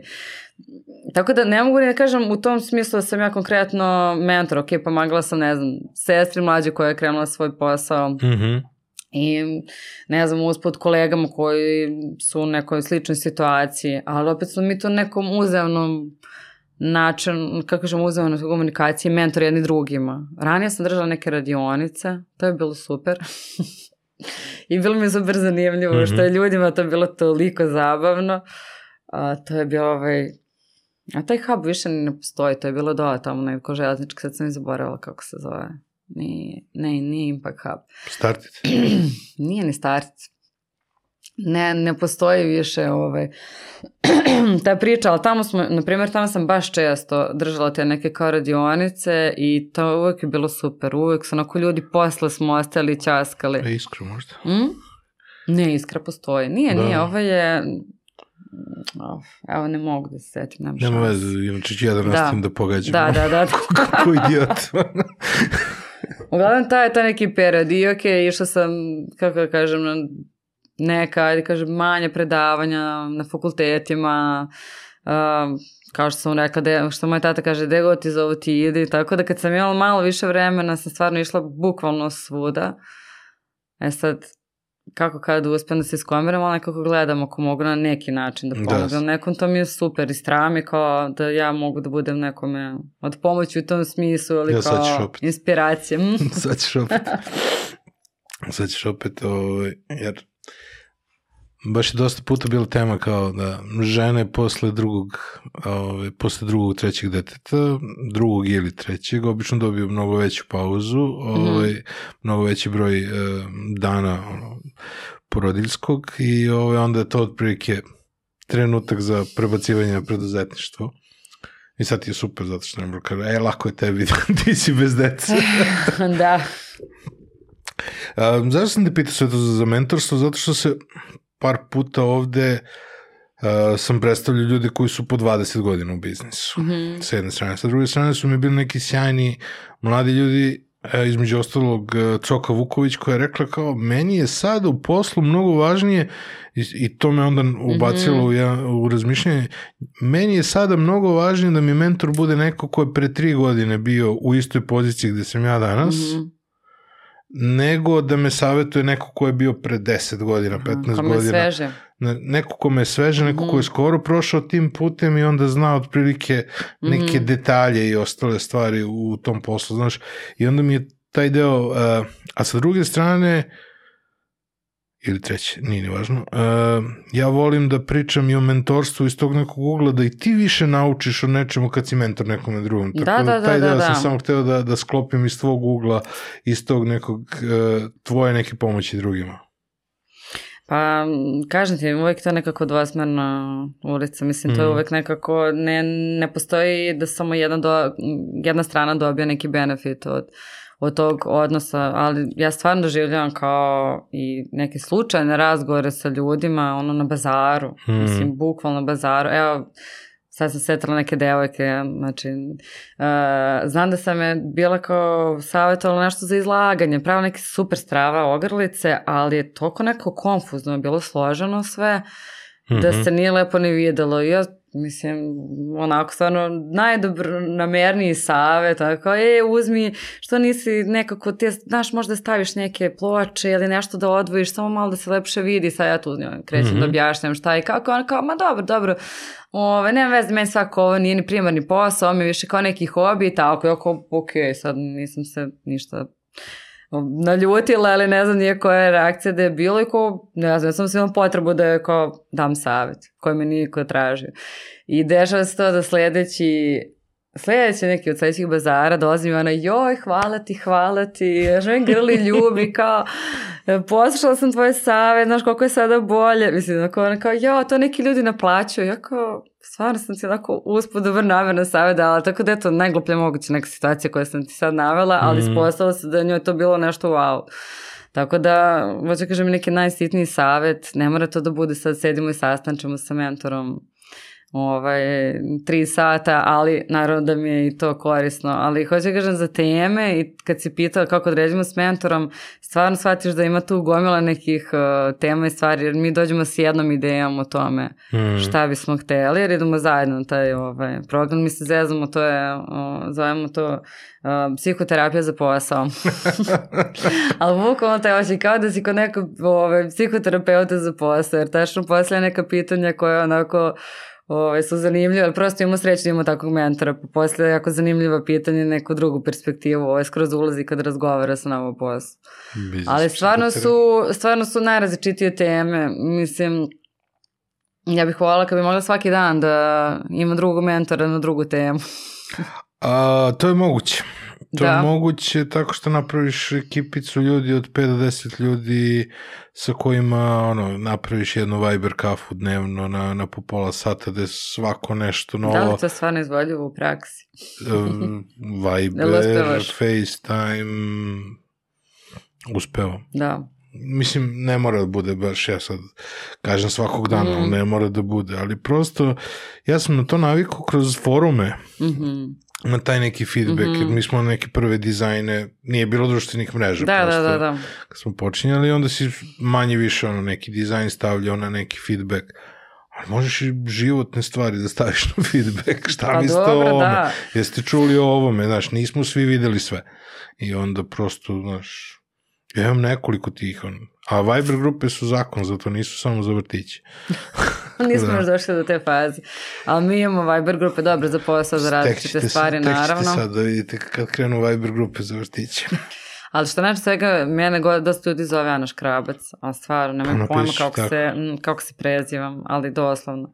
Pritom mi na bazarima kad krenemo, niko, mislim, jedno vreme nisam pojma u početku kako se ko zove.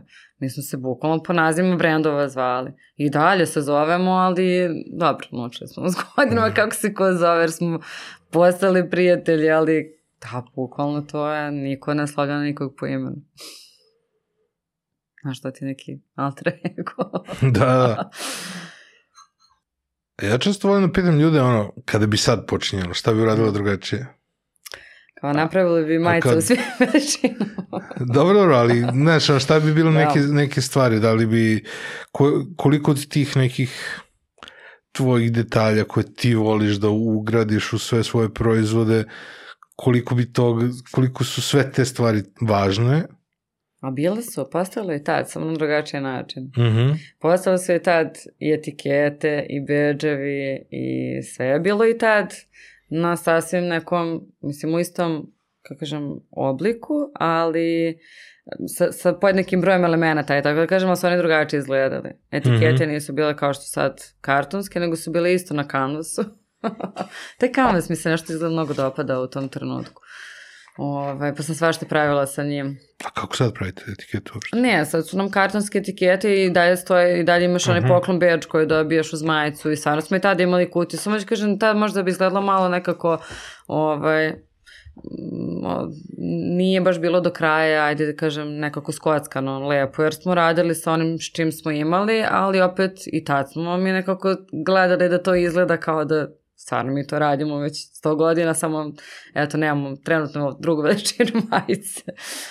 O, šal na stranu, ne, oko tehničkih stvari, da, ima gomila propusta koje nismo imali pojma, jer kao prvi put smo se ubacili u proizvodnju, ali nešto drugo mi je možda bitnije, šta bih hvala da istakne, više taj mindset i više to način razmišljanja koji, uh, neke stvari koje bi promenila u smislu I dalje mi se desi naravno da se iznerviram, da izgubim živice oko nekih stvari, mm -hmm. ali tad je to bilo na tolikom nivou da, ne znam, sad iz ove perspektive mi je pre smiješno, jer sam sve doživljavala jako nekako preozbiljno, tako mm -hmm. da mhm. nekako da možda to što kaže savjet za neko ko je na početku da se ne doživljavaju previše ozbiljno možda od samog starta, ali opet da budu ozbiljni. E sad, je li to znanje, samopouzdanje, iskustvo ili godine? O, ovako, znanje, je i znanje i samopouzdanje i iskustvo, pa iskustvo, iskustveno naučiš da ne treba da se ne daš oko gluposti, ali opet iskustveno naučiš da će doći neke nove gluposti, ove koje jednostavno će biti samo na većem nivou. Mislim, ja to isto kroz tu mrežu kreativnog mentorstva sam spominjala, imam priliku da, da, da razgovaram sa vlasnikom Jasmila Extreme Intima, gde sam shvatila da jednostavno uh, kako rasteš, rastu ti problemi, mislim imamo u biti slične probleme, samo su njihovi na mnogo većem nivou nego što su moji trenutno. Ali jednostavno da uvek postoje neke stvari koje će biti bolne tačke i tačno mi je bilo fascinantno da i ja sam nekako zamišljala uh, kao kad je veliki sistem, da je to sve mnogo više, um, ne znam kako bih rekla, upakovanje, da je nekako još, ali onda se desi vjerojatno kako se širi se pa nove stvari, pa onda ne stigneš Puca u hodu da ih upakuješ i to je to jednostavno. Misliš, što mi kao pokušavamo sad da se to što kažem, preorganizujemo, ali smislimo neki novi način mm -hmm. i onda kao ne zna da postoji stvarno osoba koja može da kaže, da uđe sa strane, kaže to i to trebate da uradite i onda će to biti tako i tako. Mislim, nešto sumnjam da postoji, čak i da je stručnjak za ne znam koji tip posla, vjerojatno dovoljno da nas navede da nas dvoje možda zapravo zaključimo kako da to sve nekako prepakujemo. I naravno, ok, za gomilu drugih stvari koje imamo naši mega planovi, što je onda kažem za pokoravanje sveta. Ove, imamo stvarno gomilu nekih uh, želja, ali jednostavno sve zahteva puno vremena. Naravno. Strpljenju se nisam naučila s godinama, eto to. Od kad sam bila malo do sad nisam. Kao i jesam, ali u, u stvari ne. ali ovu foru za, za to kao za, za nerviranje i za, za probleme, to imaš ono kao da, kao da gledaš... Malo je tolerancije. Da, da, da gledaš kao za pet godina, kao da gledaš iz te perspektive. Kao da li će, da. da li ako bi gledao na sebe ove, ovaj, sa pet godina, pet godina da, da. napred, kao iz, iz te perspektive, kao da li bi mi to bio problem, kao da. koliki je to problem, a ove, e, šta sam te pitao za ono? Pitao sam te uglavnom za uh, ono što su pričali Pareto principom 20-80, kao da 20% stvari ti donosi 80% da. biznisa, prihoda i svega toga, a onih 80% samo 20 je obrnuto. Znaš, da li bi neke stvari drugačije optimizovala, više kao savet nekima koji počinju, šta su neke stvari na koje si izgubila gomilu vremena, malo sad, sad si mm rekla u mhm. stvari ovaj, da ti stalno treba vremena. Da li bi optimizovala neke stvari, da si za neke stvari izgubila gomilu vremena, da nije bilo vredno prosto? Da, to što mi zovemo pešački poslovi. Do duše, opet ću reći, naša ekipa, tim je mali i mm, mi se jesmo postepeno... Da ovaj, Pa, delegiramo dosta toga, ali opet kod nas jeste dosta stvari lepo sistematizovano i dosta stvari je i automatizovano, to se zahvaljujući mm -hmm. što mhm. Ivan je jednostavno najtivec i u tome i voli sve i užasno se loži na sve moguće nove pluginove za novu opciju, za opciju na sajtu, ajde da smislimo, da smislimo nešto, da ubacimo, da napravimo da funkcioniše tako, da se o Excel iz ovog Excela štampa u 5 Excel, otprilike nešto ja ne bih umela da napravim nikada stvarno nisam toliko ovaj, vič na tome, ali imamo, mogu da kažem, imamo stvarno lepu sistematizaciju za te neke stvari, ali uvijek postoji i onaj deo, ne znam, evo ovo, um, što smo pro, da kažem, nešto što nije bilo na nekom dnevnom nivou i onda sad je sačekalo, kao na primjer portfolio koji čeka da ga ja završim i skockam, lepo ga skockam nakon devet godina raznoraznih super strava projekata i saradnje, eto to je nešto, mm -hmm. na primjer, što verovatno je trebalo bolje da se vodi računa o tome, pa sad me sačekala kao neka velika celina. Tako možda za te neke stvari ovaj, organizacijske, ne, ne znam kako da, da, da objasnim, nešto što ste učeni da od dnevnih obaveza to jednostavno nije toliko prioritetno i ostavi se negde sa strane, ali onda se ostavi na nekom jako velikom dnu liste i jednostavno ne dođe nikada do, do, do kraja jer ga pojedu sve ove nedelegirane stvari. U tom smislu da mm. da nedostatka vremena. Možda nam stvarno, možda shvatimo za godinu dana da nam treba neko da se bavi nekom petom vrstom stvari, u stvari da ni ne znamo da nam treba neka specifična pozicija Jer kao ne znamo, nismo došli do, do te tačke posla da znamo da nam treba. To je u stvari najveća muka. Mm, šta... Ne znam šta mi treba. Isto kako sam pitala, za, kakvog mentora ti tražimo? Pa nisam sigurna. Pa opiše nam, pa ne znam, ja to osjećam, mogu intuitivno da kažem, da osjećam da treba neko da nam pomogne, da nas gurne, da se malo brže popremo u tu sredinu iz tog malog. Sad šta to tačno znači? Da li mi treba bolji marketing, da li mi treba neko stručnjak za prodaju, da li mi treba neko ko će da mi kaže, ne znam, ovu kreativu malo bolje usmeri u ovom pravcu, ne znam ko mi treba. I onda kao, ok, treba mi neko ko će mi pomoći da sama sagledam to sve, a onda da raščanim i onda možda korak po korak cijem svakoga za, za svaku od tih sekcija. Kako je funkcionisalo ono u smislu rasta sa saradnje sa velikim brendovima? To znam da ste krenuli u nešto u nekom trenutku baš... Da, nas je baš prvo o... Red Bull nas je zvao na samom samom početku, do što je više bila saradnja u smislu tad smo radili produkciju majica za neki događaj, za Doodle Art i to, mm -hmm. to je mhm. bio i radili smo dizajn kutija i tako, to je bio neki prvi, prvi projekat ikada. Uh, ali tu opet nismo radili do kraja kompletan dizajn, ovaj, jer je to bilo takmičenje u crtanju gde su mm -hmm. se mhm. štampale majice, ti pobjednički radovi, neki ceo događaj je bio supermarketu još davnih dana. Ali zapravo ono što mi je zanimljivo uvek za, za sradnje da spomenem da eto taj portfolio nikad nisam završila. Jednostavno postoji u nekom obliku ja kao ga lagano pravim na Behance-u, ali taj deo je priča za sebe. To je prikupljanje od 9 godina da izgleda kvalitetno, a u nekom trenutku nisam stigla ni da uslikam ili ufotkam nešto smo proizveli za neko, pa sad pokušam da to izgleda ozbiljnije, popet to nije dovoljno dobro i tako dalje. Ovaj, A stvarno se, uh, uvek su nas ljudi cimali za saradnju u smislu najčešće bilo da je neko u firmi, ne znam, dobio mm. poklon majicu, šolju, ili ne znam, direktorka nekoj firmi je nosila majicu, pa su nas svideli, pa smo pravili za team building, ili mi je trebalo za neke poklone, ili su nas videli na konferenciji, kao vršcu. Šta je bilo? Ova, Infostud. Infostud, Infostud da. to je jedna od lepših saradnji, stvarno. Ove, ovaj, tako da, mm, uvek se nekako dešavalo tako interno da, se, da smo se uvukli, mm -hmm. da nismo ni znali da smo se uvukli i onda kasnije stvarno preko preporuka smo dobili neke poslove od najčudnijih mogućih, um, kako kažem, branši. Radila sam za Eto, nisam znala ni da postoji livnicu preciznih odlivaka za neke delove za avion. Mislim, eto, i za njih smo radili. radili smo vodiće za decu, za, da li to bio nova godina, ali nisam do kraja, nisam sigurna, sad više ne mogu da pokvatam. Onda gomila IT-evaca nas gotivi, nekako, ne znam, stvarno jako puno IT firmi s kojima smo radili. A, pa da, to je taj senzibilitet i onda oni... Ove, pa taj kartoniš neki stil koji verovatno gađa to negde, što kažeš da. A, ne, ja pokušavam da se setim, a stvarno smo radili naj... radili smo stvarno najrazličitijih ovaj, brendova i prehrambenih i Uh, sa Minijem smo radili, to je sa Delta Motorsom. Za Mini to je mi ona jedna od dražih saradnji, jer je vozi, vozi kao se crtež na Miniju po gradu. Ovaj, onda ne znam koga bi sve izvojio. Plašim se da ne, nešto ne promašim, ali hoću kažem da je onako stvarno najzačitiji ovaj, Si imao neki klijent iz pakla. Pa, dešavalo se da jednostavno, nekad se dešavalo da, da interno nisu dovoljno saglašeni, jer uglavnom to veoma jednostavno funkcioniše tako što prodiskutujemo o tome šta im je potrebno, nakon toga dobiju skice, nakon toga usaglašavamo dizajn i nekada ja se završava samo dizajnom, sa nekim radimo i produkciju kompletnu, mm -hmm. zavisi koje su im potrebe.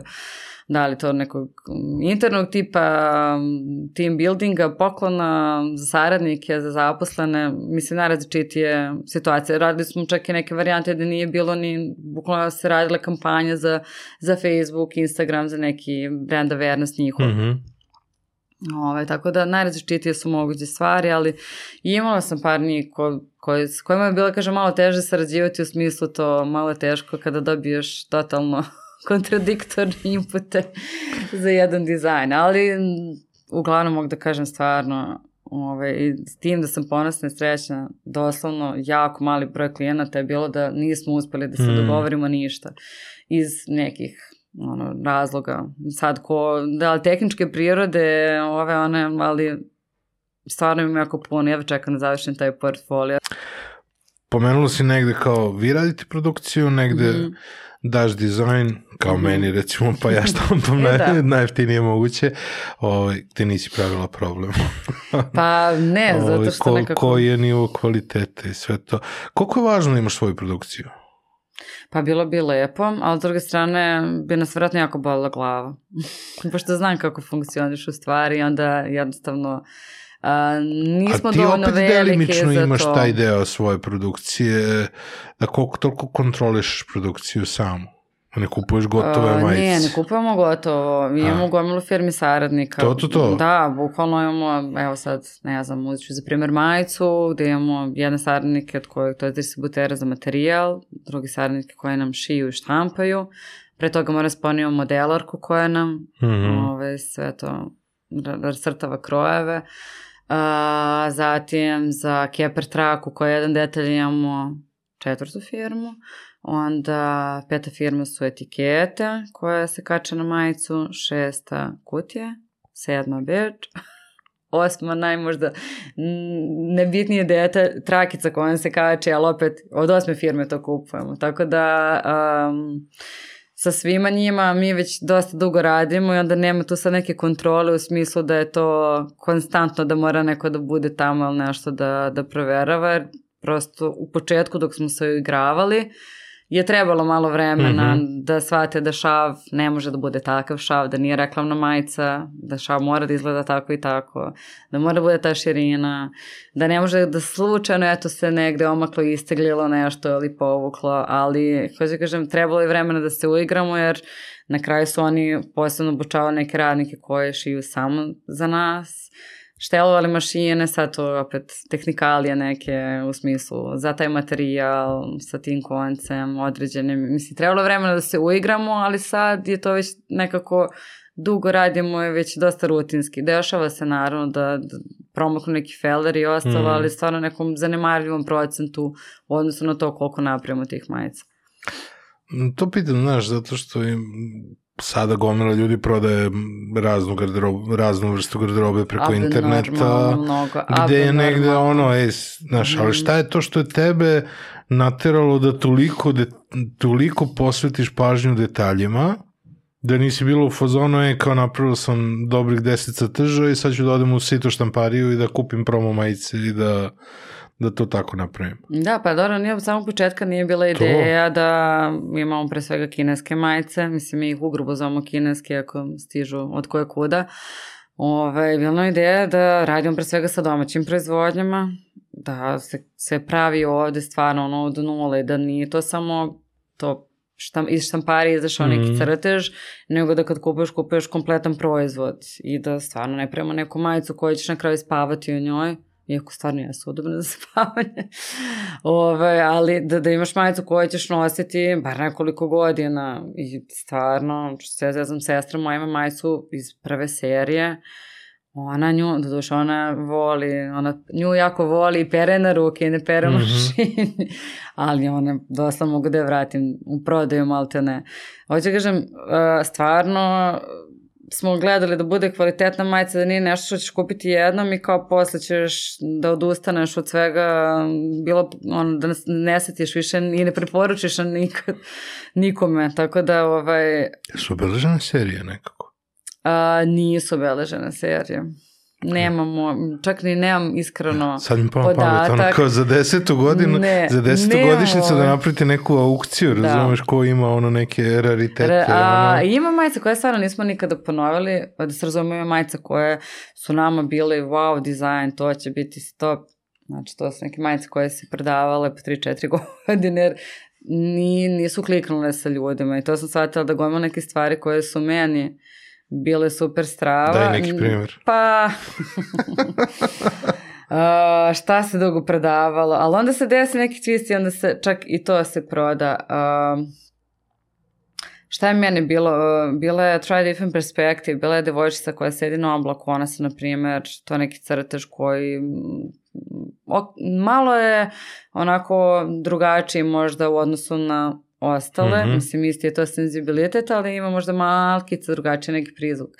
Zapravo ono što smo shvatili da što je ličnija poruka, što je nešto direktnije, u to žena majka kraljica, Mm. žena zmaja dečko za primjer, jednostavno ljudi se lakše poistovete sa tim. Da se identifikuje. Da. I Mislim, ima tu stvarno i, ovaj, kažem, lepih situacija i primjera, ono, bukvalno, da, da, ono, doslovno da, da se rasplačem, da kad mi pošalje neko, iz, ono, ja da joj krenem posle sliku iz bolnice, u žena z moje majice, tako gomila nekih situacija, ono, da su, ne znam, neka deca slika sa mora, to sam skoro baš kačala neki poster, me asocirala sam imala jednu majicu koju sam obožavala, zvala sam je žvaka i bila je sva istegljena. Mm.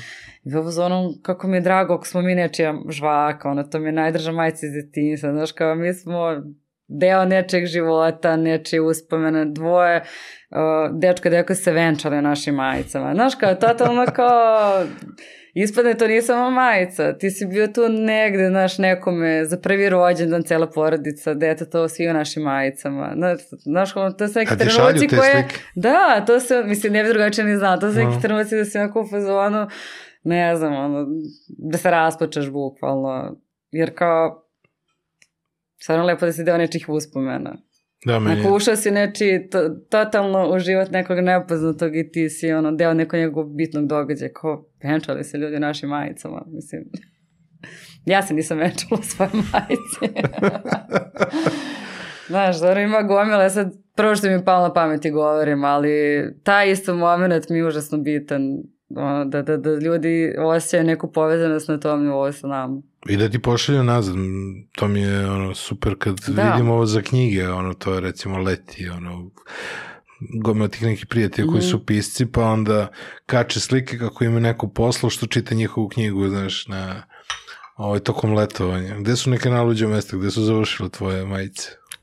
Ja, dobro, Škrabac je proputovao dosta sveta, čak i Mhm. dosta ljudi nam ovaj, tako šalju nam pozdrav, ne znam, sa Malte, pozdrav iz Egipta, ali stvarno, mm, skoro sam baš isto i to spomenula kako ćemo napraviti Škrabac putuje svetom, da nam svi pošalju sve da imam na jednom mjestu, jer mi to isto žao, nemam nigde, imamo na Instagramu nešto tako, ono, totalno u nekom haosu, gomil nekih fotografija, ove, gde su, gde su ljudi putovali. To je bilo na nekom sajtu kad naručuješ knjige Mhm. I onda kao ko je odakle naručio. Baš mislim da je Book Mhm. Depository ovo što se sad Mhm. gasi, ove, jer su oni baš imali tu neku mm, besplatnu distribuciju širom sveta i onda mi je to bio u stvari Mhm. i, i prodajni element i onda si imao kao mapu gde kao blinkaju neka mesta Aha. i kao ko je odakle naručio u tom trenutku što više Da, da, da, da, da. pospeši prodaju i sve to, a to bi u stvari moglo da se napravi dobro ono kao mapa sveta Da, da, da. da da. u stvari te neke tačke da, Da. budu slike sa, I sa tih vole ljudi lokacija. jako, ovaj, jako vole kupiti za poklon a, našim ljudima koji žive u inostranstvu. To mi je otprilike kao omiljeni poklon. Ako Mhm. idu negde, mislim, i našim ljudima koji žive u inostranstvu, a i, kažem, nekim ljudima koji, koji nisu naši ljudi.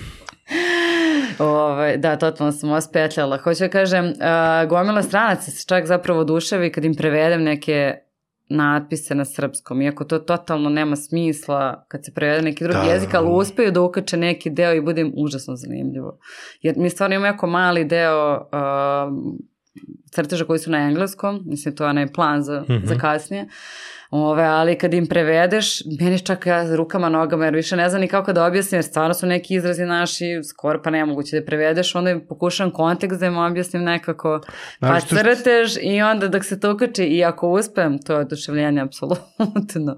Da, to je uglavnom... Ali da, za dijasporu smo uvek poklon broj jedan, ali stvarno gomila ljudi i uvek nam naglase. Samo da znate, ove majice će da putuju za Beč. Samo da vam kažemo, ovo ja nosim u Ameriku kod ne znam tih i tih. I stvarno, generalno taj feedback od ljudi to, gde su majice otputovale i šta je, ili to kad tako kao nam još naglase, evo nosili smo za prvi rođendan, evo da vidite, ne znam, izašli smo iz, beba izlazi iz bolnice našem kompletiću, ali znaš, to što ti kažem neki tako ti ove sitni, sitni, slatki, ono, porke koje nam šalje. Aha, dobro da je jedna mala majica. dobro, sad sam još dodatno ovaj, emotivna na te sve bebeće teme i stvari zbog životne situacije trenutno. Pa razmisli o butiku na aerodromu. Evo, bili smo sa Lagunom smo radili, bili smo nešto, ali malo smo kratko bili, oni imaju tamo šop, Mhm. pa smo, ali sad evo se ni nećem, tipa cegeri, šolje, više na, na nivou par nekih aksesuara, Mhm, mhm. ali butik na aerodromu. Bilo bi zanimljivo. Samo kad reši ovo sa krovom. da, da, da, da, da, da. A od ljudi? Od ono, poznatih nekih ličnosti i to. Jo, na naj, neke- najrazličitijim mjestima. Da spomenem ove što, što nisam oduševljena ili što... ovaj, da, pa dešavalo se da mi baba me zove i kaže, videla sam, sad ja ni ne znam kako se zove, nosi tvoju majicu u Zadru. A ja. Tako da da, dešavalo se na mjestima gde kao na najrazličitijim mogućim. To mi je uvijek super, ono kao vidim najcu od na ulici, ono kao vidim mamu sa dvoje djece koja nosi naš ceger, posle toga prođe neki ono, tinejdžer u našoj majici, a posle 200 metara vidim, mislim sad karikiram, ali hoću da kažem stvarno, dešavalo mi se šetam i vidim najrazličitije profile ljudi, onda tako uvijek razmišljam kad ih vidim s našim majicama, kako bi sad prišla i rekla mi, ja, super, strava, nosiš našu majicu. Jer je to onako uvijek oduševljenje kao prvi put da vidim nekoga s Hoćeš da ti majicom. potpišem majicu, ono napadaš ljude. Da, je, ne, baš ono kad smo tek krenuli, to je stvarno bilo oduševljenje, ja sam stvarno prilazila Aha. ljudima. Ja sam jednog dečka isprepadala na žurci, jer sam, ja, ti imaš našu majicu, i sad kao, ti imaš našu majicu. Ja sam samo to došla izgovorila, on je onako samo me pogledao i otišao. Ništa to nisam dalje objašnjavala, niti sam se predstavila, niti što sam sam, ti imaš našu majicu, što sam bila srećna i kao, ok, žurka, vjerojatno je bio fazonu da se ja sklonim. Dobro, sad, sad možda se možda pogleda pa se prisjeti. Baš u fazonu kao, da, to je bila ona. sad mi je jasno. Odvio mu se ceo život. A primećuju ljudi te detalje koje ti uložiš u proizvod? Ja verujem da da, jer sam taj čin da se vraćaju i kupuju ponovo i da se oduševljavaju i da nam, i za to nam šalju poruke da su oduševljeni pakovanjem, Mm. Uh, zahvaljuju na poklon beđu, pogotovo ko prvi put vidi, ovaj, oni su posebno srećni zbog svih tih detalja. A ono što isto volim da spomenem je uh, ne samo detalji proizvoda, nego samo, kažem, korisničkog iskustva, ajde tako da to nazovem. Stvarno se trudimo nekako ljude animiramo, da ih nagradimo. Imamo i taj ceo loyalty program na sajtu gde ti skupiš nagradne poene, dobiješ pri svakoj kupovini, bukvalno svaku tvoju uh, neku reakciju, akciju nagrađujemo u smislu Aha, aha. komentare, zahvaljujemo ti se poenima, um, imamo da osmišljamo neke kvizove koji su isto vreme, daj kažem, neko stvarno zabavnog karaktera, totalno budu onako satirični. Ove, tu isto dajemo neke akcije, popuste, u tom nekom zabavnom smislu, ne pričam sad ono najprostijem smislu prodaje i tih Mhm. nekih akcije i benefita, nego više tako neki fora na osnovu uh, kojih ih animiramo i zabavimo i nagradimo za to što su prosto tu sa nama koliko jesu. Imali smo i uh, kupca meseca gde smo jednostavno gledali ko, ko je kupac meseca, nagrađivali smo ga s voucherom za kupovinu. Mm -hmm. Mislim, sad je tako, nabrao neke ovaj, nabraj, nabraj, stvari pošto... koje mi prvi padaju na pamet, ali stvarno se trudimo nekako da nije to samo ni... Um, Uvijek mi smiješno zvuči kad kažem samo majica, samo šolja, kao samo još jedna majica, samo još jedna šolja, samo još jedan. o, nastavi niz. Nekako, da ne bude samo to, da nekako ti ne ostanemo u glavi samo to, nego da, da, da ti stvorimo tu neku dodatnu ne znam kako, emociju, da ti bude toplo oko srca zbog tih nekih stvari, da ti zovemo neku pozitivnu stvar, ne pozitivno razmišljanje šta god, ono, da li to šolja koja piješ prvu kafu pa ti se ne priča pa šolje poruči umesto tebe. Ove, Meni je bilo super zato što me, da, da slušam u svemu ovome, jer ja sam lenji kupac, ja sam onaj koji se seti u zadnjem trenutku mm -hmm. i mhm. onda je kao deda ide mana je, idi ušće. I onda, ovaj, zato sam, ovaj, zato sam te ovo pitao, ali i tada ušću recimo je bila varijanta kao, dobio ti čarapice, ako to je bila neka ne, akcija. Ne, stvarno se trudimo nekako da, da, da se zahvalimo ljudima, jer, kako kažem, imamo stvarno ljudi koji su nama prvog dana. Ima, mm. ima jedna devojka koja, znači, znam da je kupila sve što smo ikada napravili. Ona je kraj kupila i muške majice i nosi sve moguće. Ja ne znam da li kupuje samo sebi ili za prijatelje. Stvarno, onako neke ljudi smo zapamtili od prvog trenutka su kupac tu. Decenije. Kupac decenije će biti bukvalno. Žao mi, nemamo tu statistiku. Ne, nismo imali sajt od samog starta, pa nemamo tu statistiku ko je bio kupac decenije, ali ovako zna, znamo, da, da, subjektivni osjećaj.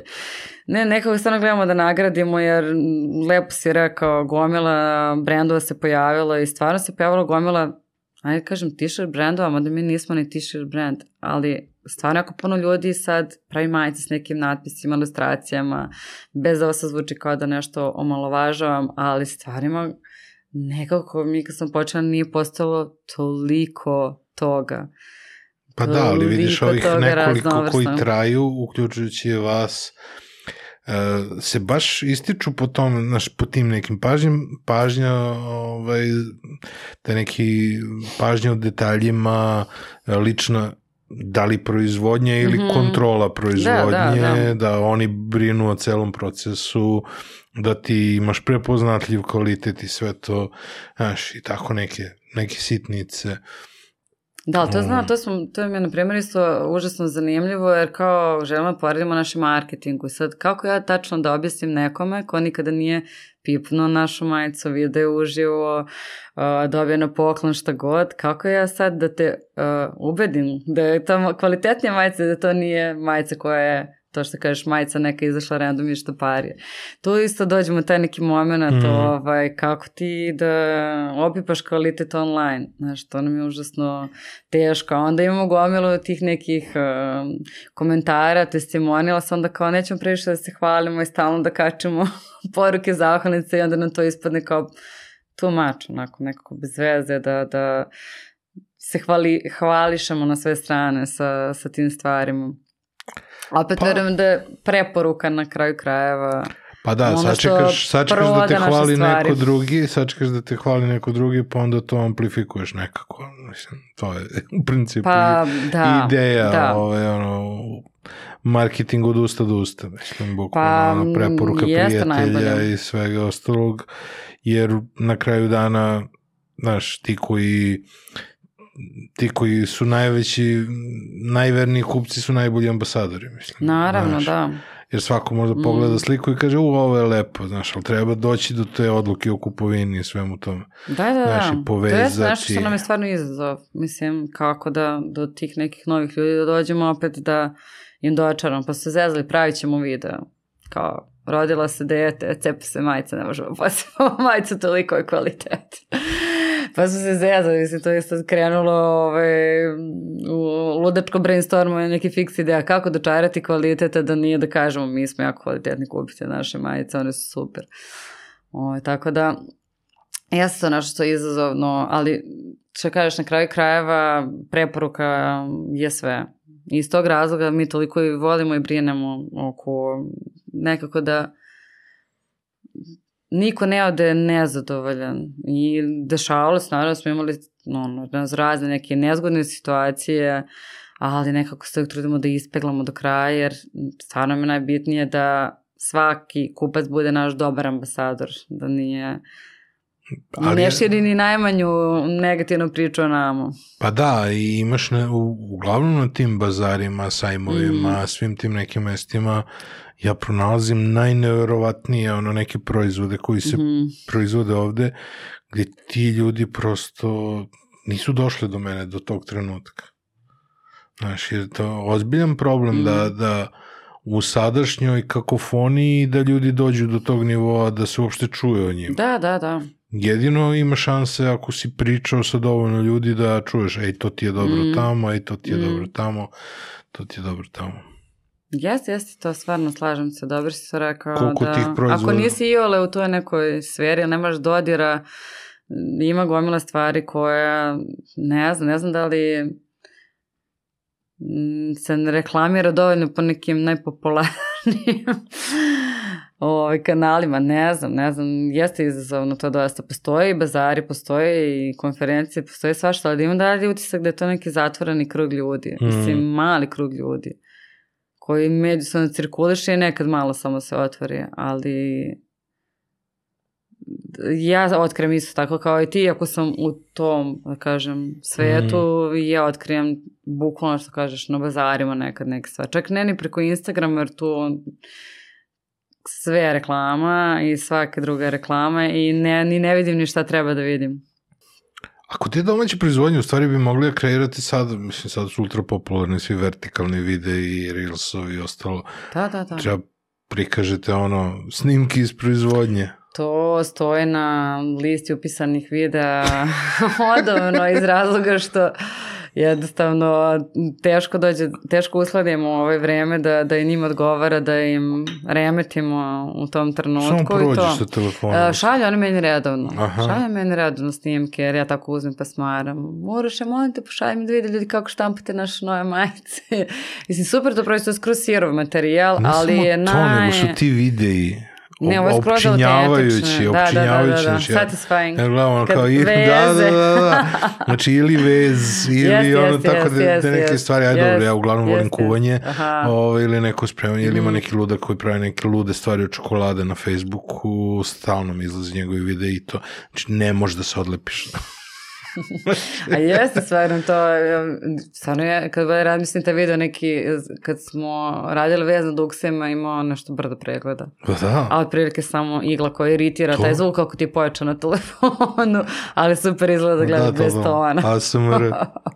Pominjala si te bazare gde, gde ljudi mogu da otkriju te neke super brendove, pošto kapiram da kad bi te pitao, verovatno ne bi mogla da, da ih sve pobrojiš, a gde su neki sledeći? To se sad ponovo, mm. ono, ponovo je krenulo. Jes, jes, aktivirali se ljudi. Mm. Ove. Evo, mi idemo u silose, to je isto neki novi bazar u silosima. To je ono tamo ovaj, na Dunavu? Da, Aha. da, da, da. Tamo generalno sam skontala, nisam ispratila lepo, ima gomila neki zanimljivih sadržaja inače. Mm -hmm. A, od ostalih bazara tu standardno Beogradski noći market na to pijacama. Na bude na Kaleniću, bude bloku 44, Aha. bude Beloni. Aha to je, mislim, jedan od ono, da kažeš, veći popularniji da stvarno ima sve i svašta, što da otkriješ od klope nove, pića, dizajnera, svašta nešto. I u Novom Sadu Novosadske noći bazar, to je nešto da mi isto stalno idemo. Znači, ovi noćni ja kažem, tamo smo redovni od početka, ali ima, ima dosta, ima Dorće placu, budu bazari isto. Uh, gledam šta je još aktuelno, Katapult festival, to smo isto ranije išli. Mm -hmm. To bude često po tržnim centrima. Mm, pa ne znam, kažem, moj noćni bazari tu možda najviše ljudi na jednom mestu, najveća koncentracija da odjednom vidiš mm -hmm. sve i mhm. svašta. A za vreme korone smo pravili, pošto nisu bili bazari, ali onda smo mi tako svi udruženi pravili, tako reći, online bazare, to jest šerovali jedni druge međusobno. I onda smo mi na kraju odlučili da napravimo jedan highlight na profilu da to ostane ljudima, prosto ako ne nađu ništa kod nas za poklon da mogu da izvrte, da, da im ostanu tu još tako neki interesantni ljudi. Da, malo zeznuto. Uh, meni je sjajno ono što rade oni mali proizvođači hrane, i onda, ali to je mm. kao hrana i onda kad sam hteo da pošaljem još neki ono, proizvod mm iz Srbije, to tačno mm -hmm. u mhm. inostranstvu kad sam slao jednom prilikom, kao šta ima nešto, pa onda bilo kao još jedan, pod, bila neka kao grupa paralelna, ali nije bio taj neki ono nivo koji sam ja ovaj, očekivao. Sve su bile neke ne bi da hejtujem, ali... ali, da, to je mene zove žena, ali. ne bi da hejtujem, ali uh, kad dođe do toga, uglavnom bude nešto kao evo etno, znaš, evo nešto, aha, znaš, aha. Fali, ali... fali trenutak dizajna vrlo često, to mm. i meni zasmeta, uh, fali trenutak dizajna u smislu fenomenalnih proizvoda, Modernih. handmade, ali fali, nedostaje samo taj naj, mislim, možda iz moje perspektive najbanalniji i najlakše uh, način da, da, da dođe većeg broja kupaca, stvarno da nekako makar izbrendiraš na najbazičnijem nivou. To što kaže baš ima noćni bazar, prosto ljudi nisu Uh, bili su neke starije generacije, ili prosto nemaju apsolutno nikakvu ideju o estetici, ali zato prave fenomenalan sir ili čvarke ili šta god, ali stvarno ima, mislim sad sam baš onako lupila, prvo što mi je palo na pamet, Ovaj, ne, ne mogu da skontaju važnosti tog drugog dela. Pa kako ne? Pa, ovaj... Ja sam ceo život odrastu ovaj, u vršcu, oko vršca gomila vinara koji prave fenomenalno domaće vino i mrzi ih da ikada uđu u legalne krugove, da mhm. naprave mm -hmm. etiketu, da naprave flašu. Ne, donesi ti lepo kanister od 3 litre, da ti on sipa vino koje je zapravo fenomenalno. Da, da, da, i nosi, da. Znaš. Da, tačno bude mi žao. Samo rinfuz. A kako bi mogla da se pomogne svima njima? Pa ne znam, nekako da postoji možda sistemski ovaj, uređeno da, da, da jednostavno uh, postoji ta neka konekcija između dizajna i proizvodnje, mislim, generalno svih proizvođača, ali na nekako, ne znam kako kažem, na državnom nekom nivou, ne znam, treba stoji institucija, možda neka za to.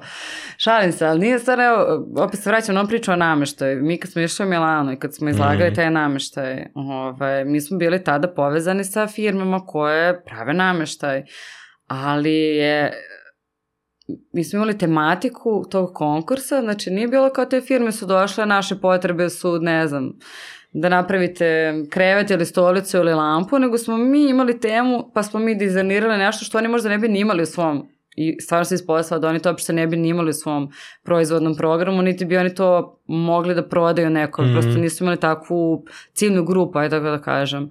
Ove, I s te strane isto to početna tačka već nije bila nešto što bi imalo budućnost za dalje da se nastavi nakon tog izlaganja.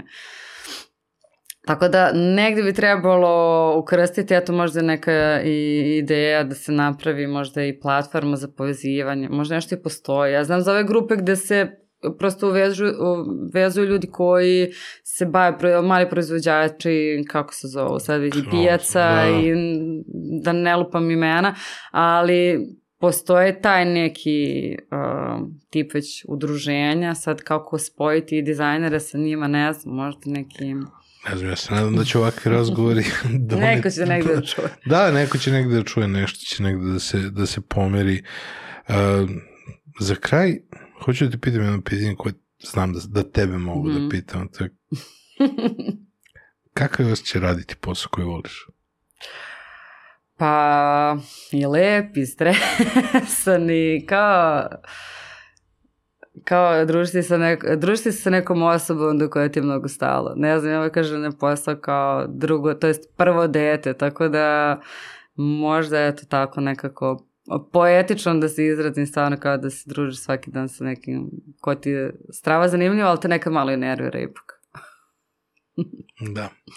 To je dobro, kao ako dete, pa ne možeš da se odvojiš od njega. pa da, ne, pomešane emocije imaš često, kao voliš i super i znaš da bi sve dao za to i sve sam si da ti to svaki dan i ujutru i uveče i mora, ali jednostavno nekad ti stvarno i toga bude dosta. Kao što bavi pričali, ja sam te rodio, ja ću. da. Hvala ti puno. Hvala i tebi što me zvao. Ponovo. Uvek. Hvala vam što ste gledali još jednu epizodu, još podcast 1. Ovo je bio moj razgovor sa Anom Škraboc, nekada Anom Babić, danas Anom Bojčić. Hvala vam što ste uz nas. Ostavite nam neki share, like, subscribe, ostavite nam neki komentar. Dosta vas gleda i sluša ovo bez da ste nas zapratili. Ako želite da slušate razgovor sa nekim sjajnim ljudima u vremenu u kojem živimo, zapratite nas i pogledajte i neki prethodne epizode ukoliko ste nas sada prvi put otkrili. Hvala vam svima, hvala našim sponsorima, Beans Cafe uz koju sam razgovarao sa Anom i Skandinavijan Design Centru čim smo stolicama sedeli. To bi bilo to i vidimo se i slušamo se sledećeg četvrtka. Ćao, čao. Bye, bye.